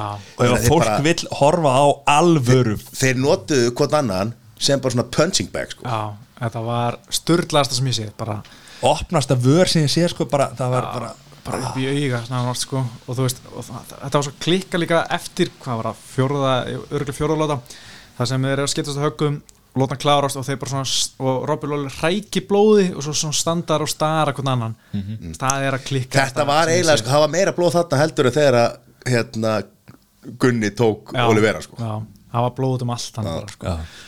Og svo náttúrulega, veist, þegar vörinu var komin í hakkan hann samt öskrandi hann eitthvað veist, þeir koma bara og ég rota og bara, veist, komið bara og ég roti ykkur, þetta var svo skerið þetta var svona, veist, ég myndi aldrei vilja fara í búru með þessum gæja, sko, Líka, þú veist, bara þegar hann var að tala eftir þú og Já, einmitt ef, einhverju strákar hann úti er að, er, er, ætla að hérna, kynna auðvitað fyrir konunum ykkar sko, ekki Nei. taka þennan bara sko.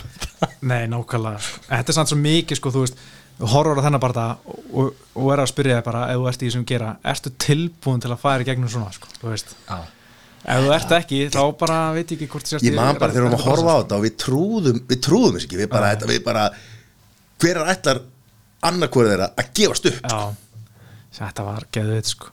Og þú veist það líka að Robbie Lawler er bara svona ómennskur einhvern veginn í öllu svona, þú veist, á móti Johnny Hendricks í setni barðanum, þú veist, hann er að tapa þú veist, að mér fannst hann var að tapa 30 sekundar eftir og hann bara, Johnny Hendricks er að að taka niður og hann bara, herri, nei, nú stend ég bara upp og ég róta hann, bara hleypur eftir hann sparkar og sparkar kýlir í hann og þú veist, hann leiði á barðan klárast á leggst Johnny Hendricks svona niður svona þreytar til 5 lútur og Robbie Lawler er bara svona í svo mikil gýr eins og það sé bara geðvikur, sko, það er bara svo mikil X-faktor sem bara, þú veist svo er þetta að lesa í fyrir að hann að mæta einhverjum snillingi og Ben Askren sko. Málega er nefnilega við vitum, þeir sem hafa verið að fylgjast með össi, vita hver Robby Lawler er og, og svona þessi geðugur hann er og frábær og, og, og flottu gæði sko. Ben Askren. Menn vita ekki fólk sem við fylgst með össi er ekkit, ekkit með Ben Askren á hreinu sko.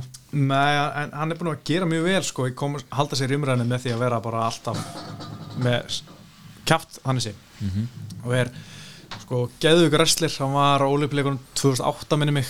Tók hérna, vann bara eh, eina glímu þar og tapaði svo næstu og fór í MMA eftir það og hérna búin að vera að æfa, æfa með Tæra Woodley þetta mjög mikið, það eru best buds eitthvað.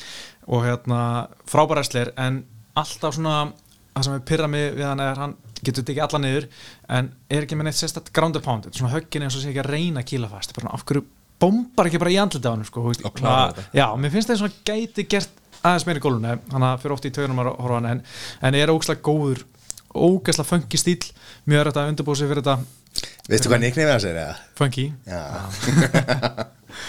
Þú kemur ekki tóma komin að þarna.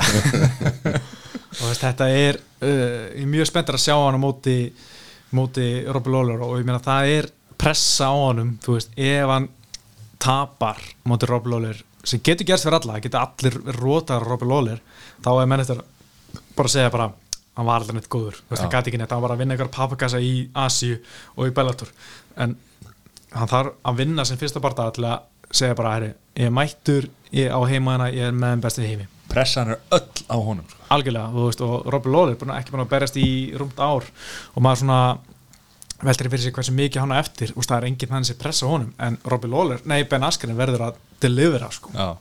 þetta verður svo oh. það er að geða þetta sko Tæna Woodley, Cameron Usman Já, sko Úsmann veist, ég horfa ofta á hann berjast og bara af hverju er hann að vinna svona mar- marga barða? Hann er ekkert spes, þú veist, hann er bara góður wrestler, góður að vinna lótur, en það er ekkert geggjar martial artist eða svona MMA fighter. Bara góður að vinna lótur einhvern veginn. Glímukall döðans Já. Og veist, nær fellum en gera ekkert með, með þær, hann er ekki ná neinn uppgjátökum, hann er ekki að veist, klára menn með eitthvað svona klikka and pound eins og, og Khabib hann er bara svona að teka menn niður og hengur á þeim einhvern veginn og menn standa upp og hann hengur á þeim á bakinu, njára á rassin og svona, þetta er bara ekki skemmtilegt bara ef maður segir alveg eins og er en hérna, virkar, hann er að vinna og er mjög skinsamur og gerir allt þetta ógeðslega vel. Og ég hef smá ákjör af því að hann hérna náðu bara að, að sko, taka tæra múli yfir í fjóru og fyndulótu og skora fleiri stig á hann með einhverju kjafta með einhverju njáum í rassinu og eitthvað. Heldur það? ég hef ágræði en, hérna, en ég veðja svo oft á gegn tæra múli og hann er alltaf veist, Tæran nefnilega sko alltaf, ég hef alltaf haft ráttur með þar. Já, Tæran hefur sko verið síðasta barða á móti hérna Þarna til. Þá tók hann bara, þá mætti hann. Já, þetta var perfect, mætti, sko. þetta var hann sko. Barðar undan því hefur eh, á móti Stephen Thompson skilu, þá hefur hann eh, eh, verið fimm lótu barðar, skilu, hafa ekki verið samfærandi sko, nei, þannig að þetta snýst bara um það hvað Tæran Woodley kemur og mætir sko. Já, og það er mikið, og, og Woodley er núna búin að, búin að gefa þetta eitthvað tvö lög og búin að að spila eh, búin beat að your ass eh. I beat your ass in, I beat your ass in real life I beat your ass on TV eitthvað algjör kjátt satt. Ég má, má eiga það að, hérna, ólíkt öðru röppurum, þá getur hann líklega spara alla, þú veist, Já, hann já. getur staðið við þetta sko, eini maður sem að er hérna á séns í þess að vitli sig á hann við 50 cent að því að hann er búin að vera skotin 11 sinni sko, hann er ekki ennþá döður sko. en er þetta ekki að trubla menn hvað rappið? rappið, bíómyndunar TMC og eitthvað. hann er að leika í fullt af einhverju drastli og, og hann er að gera svo mikið annað heldur en að mæta á æfingar sko. Já, það getur vel verið sko Þú veist, ég meina Conor hefur hingað til náða að jökla sér vel og hérna GSP náða að gera það hann var ofta hérna, að reynda að gera hann reynda mjög vel að fyrir barda, átta viku fyrir þú veist, lok, loka hann allt annað nema, nema að berjast. Og getur vel verið að Tæra Woodley sé ykkur þannig gýr líka sko, hann sé bara svona, er, nú er ég að fara að berjast og nú slepp ég allu öru en hann er samt, þú veist, að fara að gefa út lag eftir helgina eða eitthvað leis, Já. eða, ég manna ekki, í, í kringum hennar barda. Það er auðvitað eitthvað, eitthvað stand í kringu það. En kannski er þetta bara eitthvað sem hjálpar honum að þú veist, vera ekki að hugsa um bardan, vera að hugsa um eitthvað annað með hann þú veist, það getur oft þannig að menn fíli það bara. Að, hérna, brjálega pressa að vinna barndan til þess að hérna, já, já, já.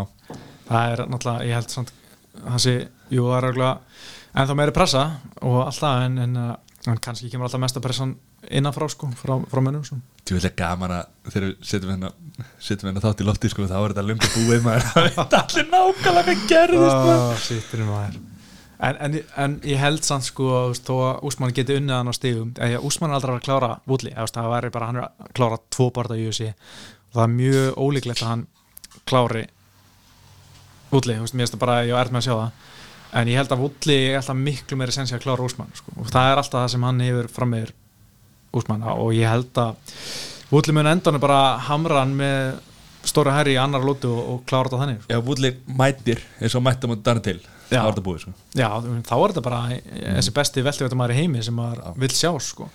en hann er náttúrulega rosalega taktískur og rosalega þólumöður sem er vinnur með honum á móti gæjum eins og Damien Maia og Stephen Thompson heldur rósinni og næra að vinna á stíðum en ég er náttúrulega ekki að skemmtilegast það kannski Nei. en hann er að vinna og það er að sem, þetta snýst allt um fyrir Tarnvulli fekk svarta belti sitt mm -hmm. lokin á síðasta það var mjög skemmtileg og, og falleg stund sko. Já, Dean Thomas kom hann skiptan- og, hérna, Já, leta bara svarta þetta. belti Já, það skipta nörgulega meira mál heldur en auðsjöfaldi sko. Það var alveg skemmtilegt sko. það er mjög gaman að því aðalbardaði kvöldsins Jonathan Dwight Jones. Og uh, dópisti Anthony Smith. Já. þetta er fyndið sko, ég menn Anthony Smith var bara einhver journeyman veist, í millivitinni þangur til hann uh, svona gekk ágætlega, fór upp í uh, léttangveikt og bara hérna, að gera frábæra hluti þar. Og var hann 3-0 núna bara, hvað, hvað sem ekki að klára alla. Og hérna verið bara virkilega flottur en, en þú veist, allt sem uh, Anthony Smith gerir, John Jones hefur séð þetta áður, þú veist, hann er með langar hendur eins og Gustafsson hann er með högþunga, þú veist, það er Rampage það er líðum að sýta, það er allir með þetta sko. E, tölum bara hreint út. Mhm. á hann eitthvað tjans mér finnst ekki, nei, þú veist, það er ekkert við hann sem ég hugsa bara, John Jones er í vandræð með þetta. Síðan sín. Það er one punch knockout, skiljið bara nýttir. E, eini sjansin var að Jones myndi falla liðbrói hann er búinn að falla liðbrói fyrir bardaðan og fá að samt, fær samt að keppa. Hann er sko bara síðasta það er annar- eða hann, hefur ekkert. Það er annars síðan að e- ef að John Jones mæti bara ekki er að hérna vannmetan Já, það getur bara- þetta alltaf gerst og ég menna þetta er, sko, MMA er bara svo íþrótt það sem underdogs vinna oftast samkvæmt tölfræðinni, sko. Og ég, þú veist, hjá veðböngum, það er svona ekki þegar Jones er í, Nei, boði, sko. nefnilega, það er mjög góð punktur að hann hefur aldrei verið í vandræðum, maður har aldrei séð hann vera kilda niður, aldrei séð hann vanga en eitthvað þannig séð, þú veist, hann hefur tapað lótum að Gustafsson og Kormir en þú veist, aldrei eitthvað verið leiðin að tap, á svona slátra sko, þú minna, Vítur Belfort næstu búin að taka höndina á hann og hana, annars bara ég verði að vera bara svona nokkuð öðvöld fyrir hann sko. það er það sem gerir hann svo góðan auðvitað, eða partur eða okkar hann er svona fáralega góður en maður bara svona maður sér ekki hvað, hvað Antoni Smith er að gera við hann. En þetta er svona svo típist að Antoni Smith róta hann bara í fyrsta lótu með allt þetta skilur sem maður er að segja. já. en, en þú veist, horfir á sko, veist, ég, ég var að pæla í þessu mikið fyrir hann bara það, þegar svona, hvernig mun að vera þegar John Jones tapar, veist, hann mun væntalega endan tapa einhvern veginn. Hvort það verður eitthvað svona ógeðislega óvænt að einhver bara þannig sem nobody kemur inn og rótar hann í fyrsta lúti eða hvort það verður eitthvað eins og þú veist bara hann er orðin verri og kemur bara nýr gæi inn sem er bara betri. Og, og hvort hann er orðin gamall eitthvað. Það er bara erfitt að en eins og, eins og Jones sko hann á tvo bræður. Já, annar var hérna defensive line, lineman fyrir hérna Ravens og Colts og, og Redskins. Og hans var linebacker fyrir hérna Cardinals. Þú veist þessi, og, og svo hann reynda sýstu sem að hérna er látin úr, úr, úr krabmeini en veist þessi, þessi þrýr bræður eru bara specimen skilur, þeir eru bara og ég, heyrði að Jones var öflugur hérna, fótboltamaður, amerísku fótboltamaður hérna, áður fyrir sko. Þeir, þessi bræður eru bara geggjaðir.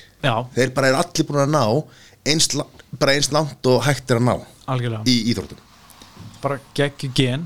Er þetta sömu gen og Ólaug Stefansson og, og, og, og Jónard og Stefán nákvæmlega, þetta er eitthvað svona geggju veistla hana að ferð.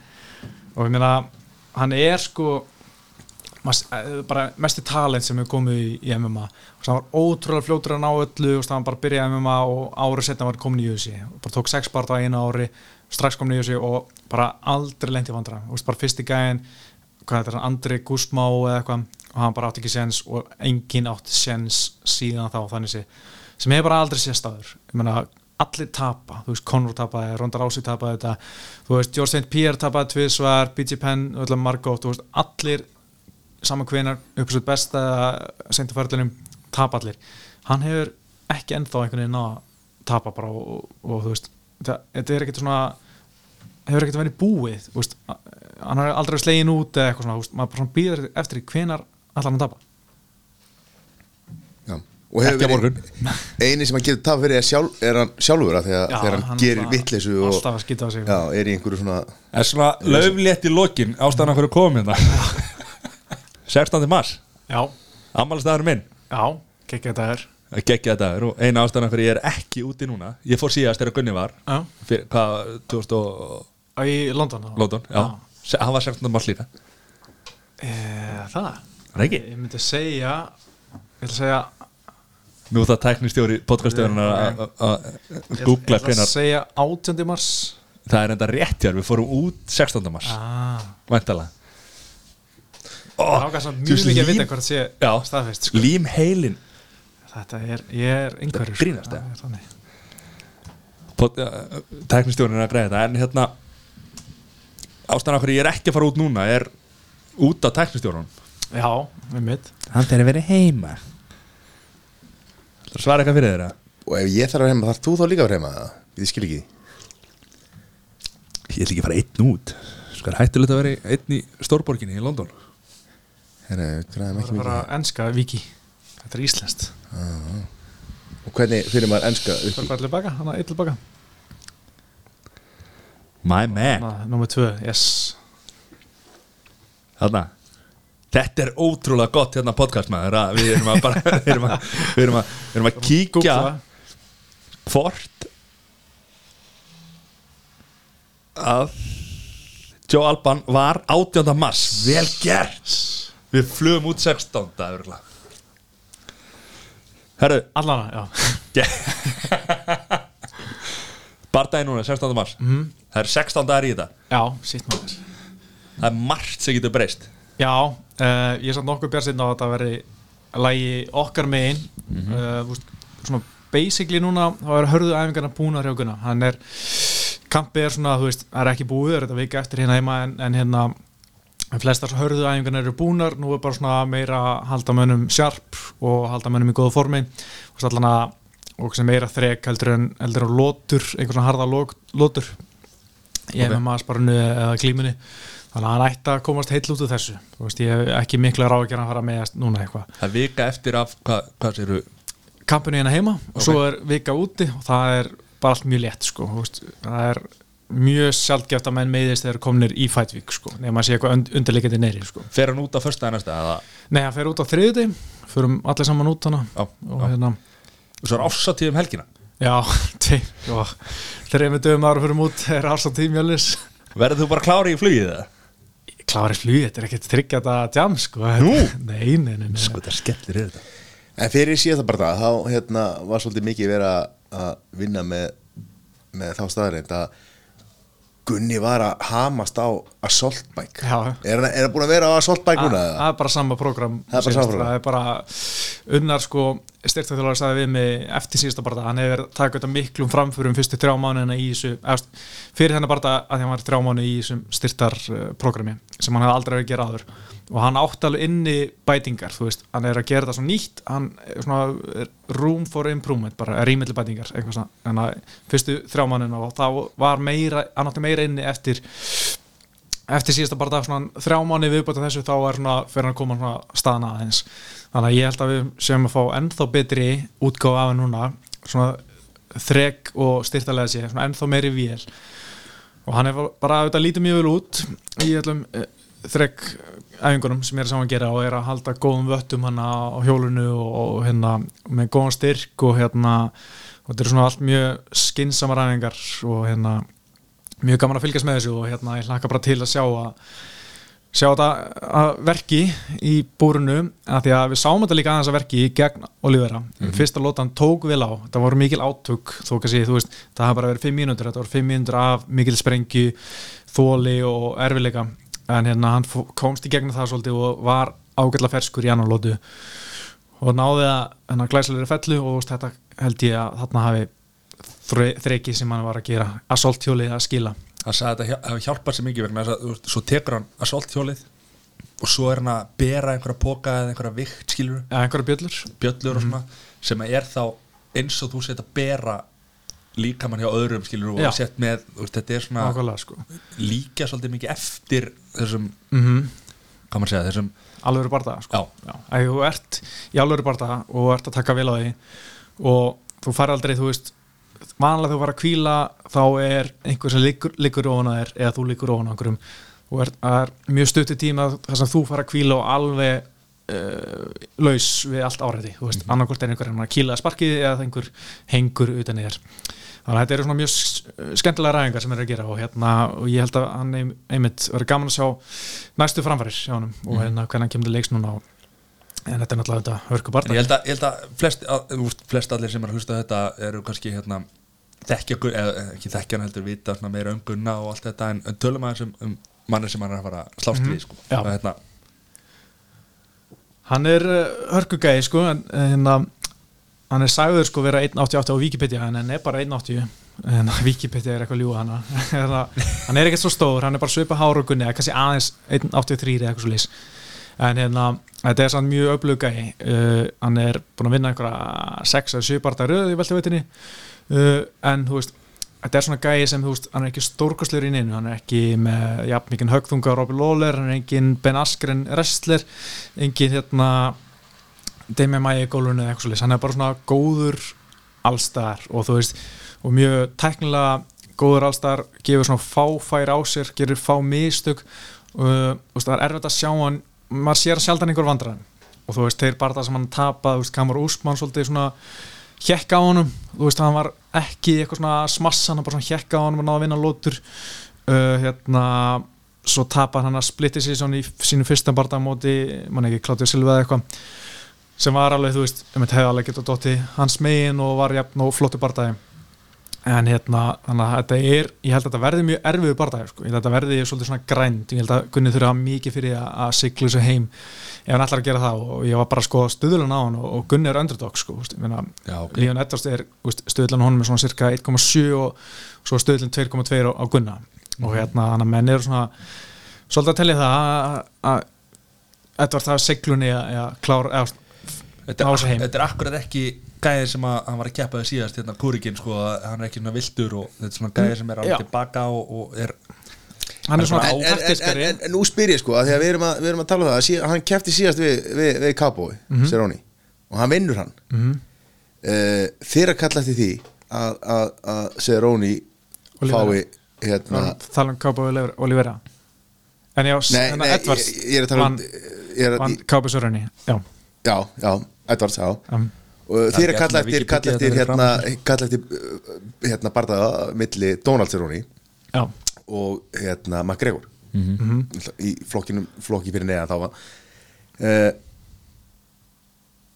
nú, nú er ég bara svona spáði sko, þú veist, það, ok, það voru hálft ár, eh, nei, hálft ár, það eru meiri ár en einhverjir, einhverjir 8-9 mánuði síðan kefti síðast.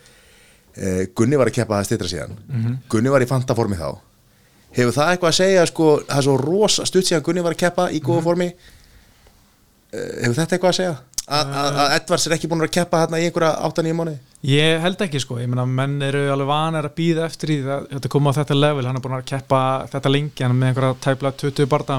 Að hérna það þekkir þetta alveg. Að hérna vera að býða bara eftir rétt að barðanum og sem er í þessu tilviki Gunni, hann vildi fá Daran til, hann vildi fá Horki Massadal og okkar en fær Gunna og er bara örgulega ágætla að sattu með það en, en veist, þessi byð er ekki, ekki það lung veist, þetta er nefnilega ekki það langt sko, í, uh, komur þetta hátt úst, og hann er bara ekki búin að vera að díla við nefn meðisli svo ég veit sko, hann er kannski örgulega bara að halda sér ferskum vera að vinna í nýjum, nýjum tólum, tólum alltaf sko. Efla magna þessi gæði var að vinna Donald Cerrone í, síðasta varða sko. Mhm.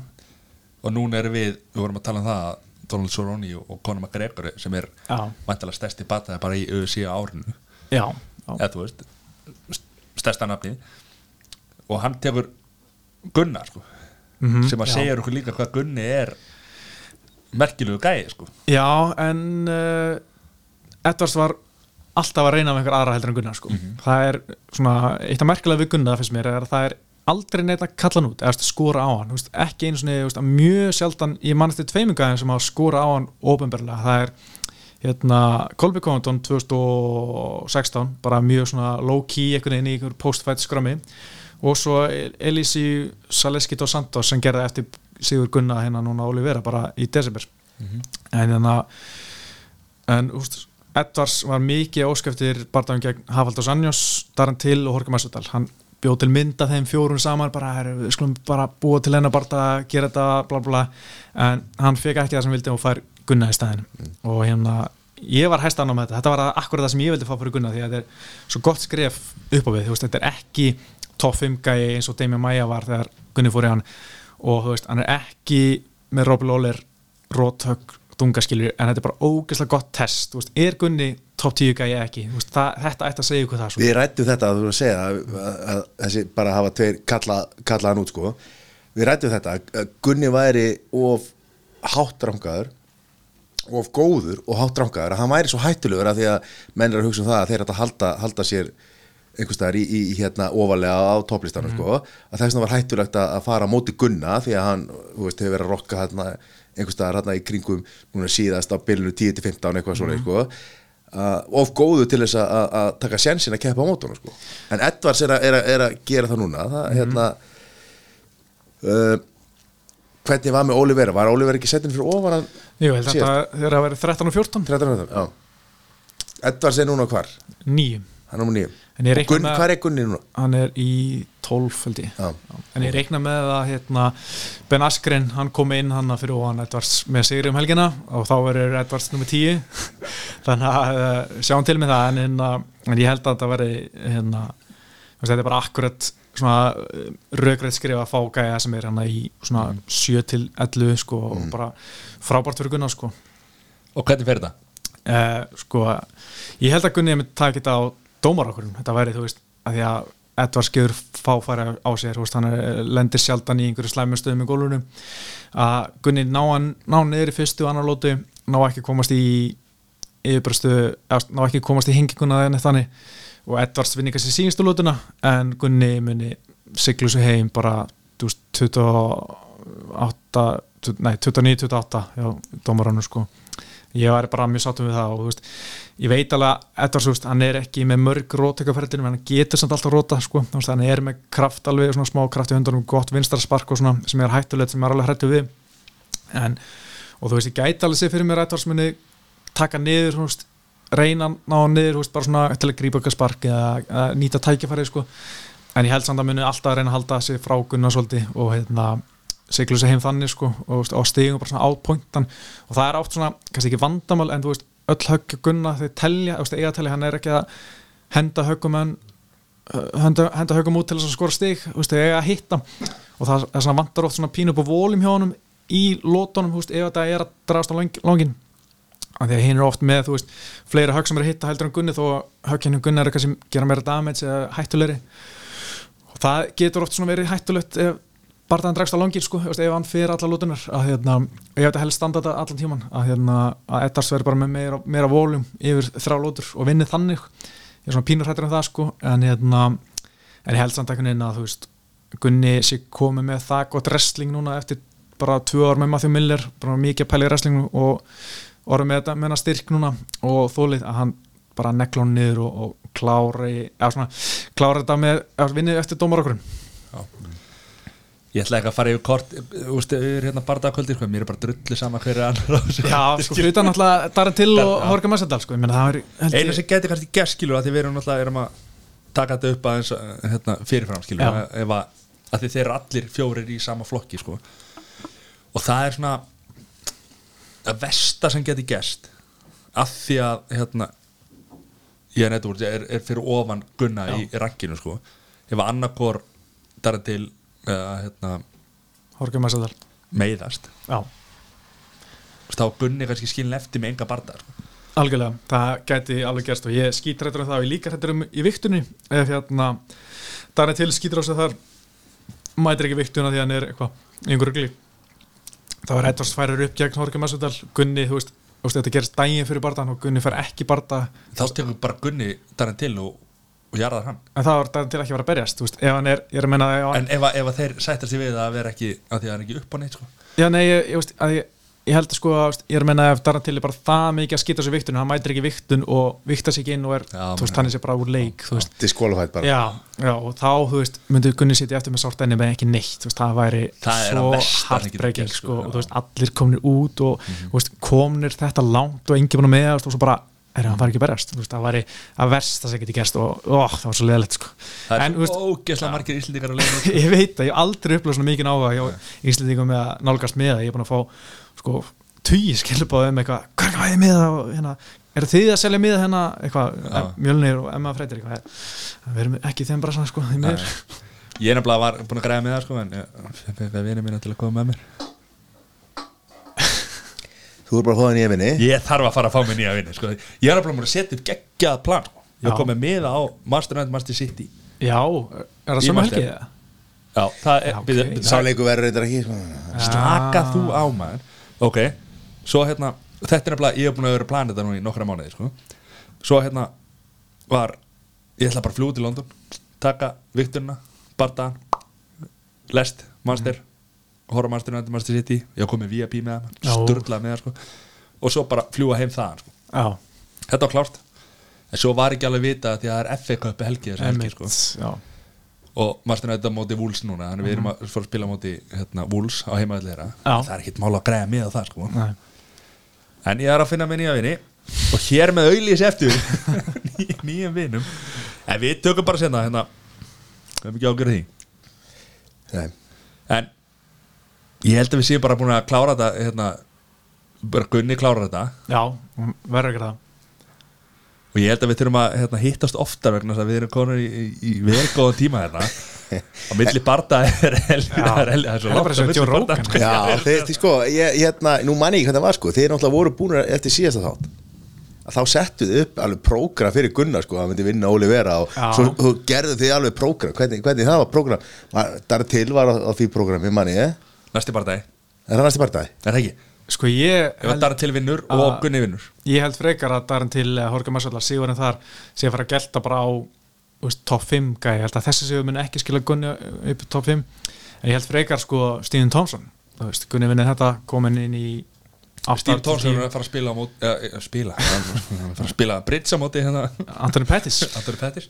Já, sem er skrítið bara en að því að hann vildi ekki leika við Thompson, þá fer hann bara í Pettis og ég meina þetta er alveg skemmtilegt en meikir ekkert sens en hérna, ég get alveg trú að ég var til það að Gunni vinnur Leon Edwards fær Stephen Thompson í júni, júli eða, ja, og hérna, það munur skila honum inn á bara title contention. Oh, þetta er svo sturli loka orð ef ekki að klára þetta bara svona. Ég held að bara, Pétur bara, það kellaði fyrir að koma Takk hjá fyrir mig. Alltaf velkomin Takk fyrir. Var þetta næst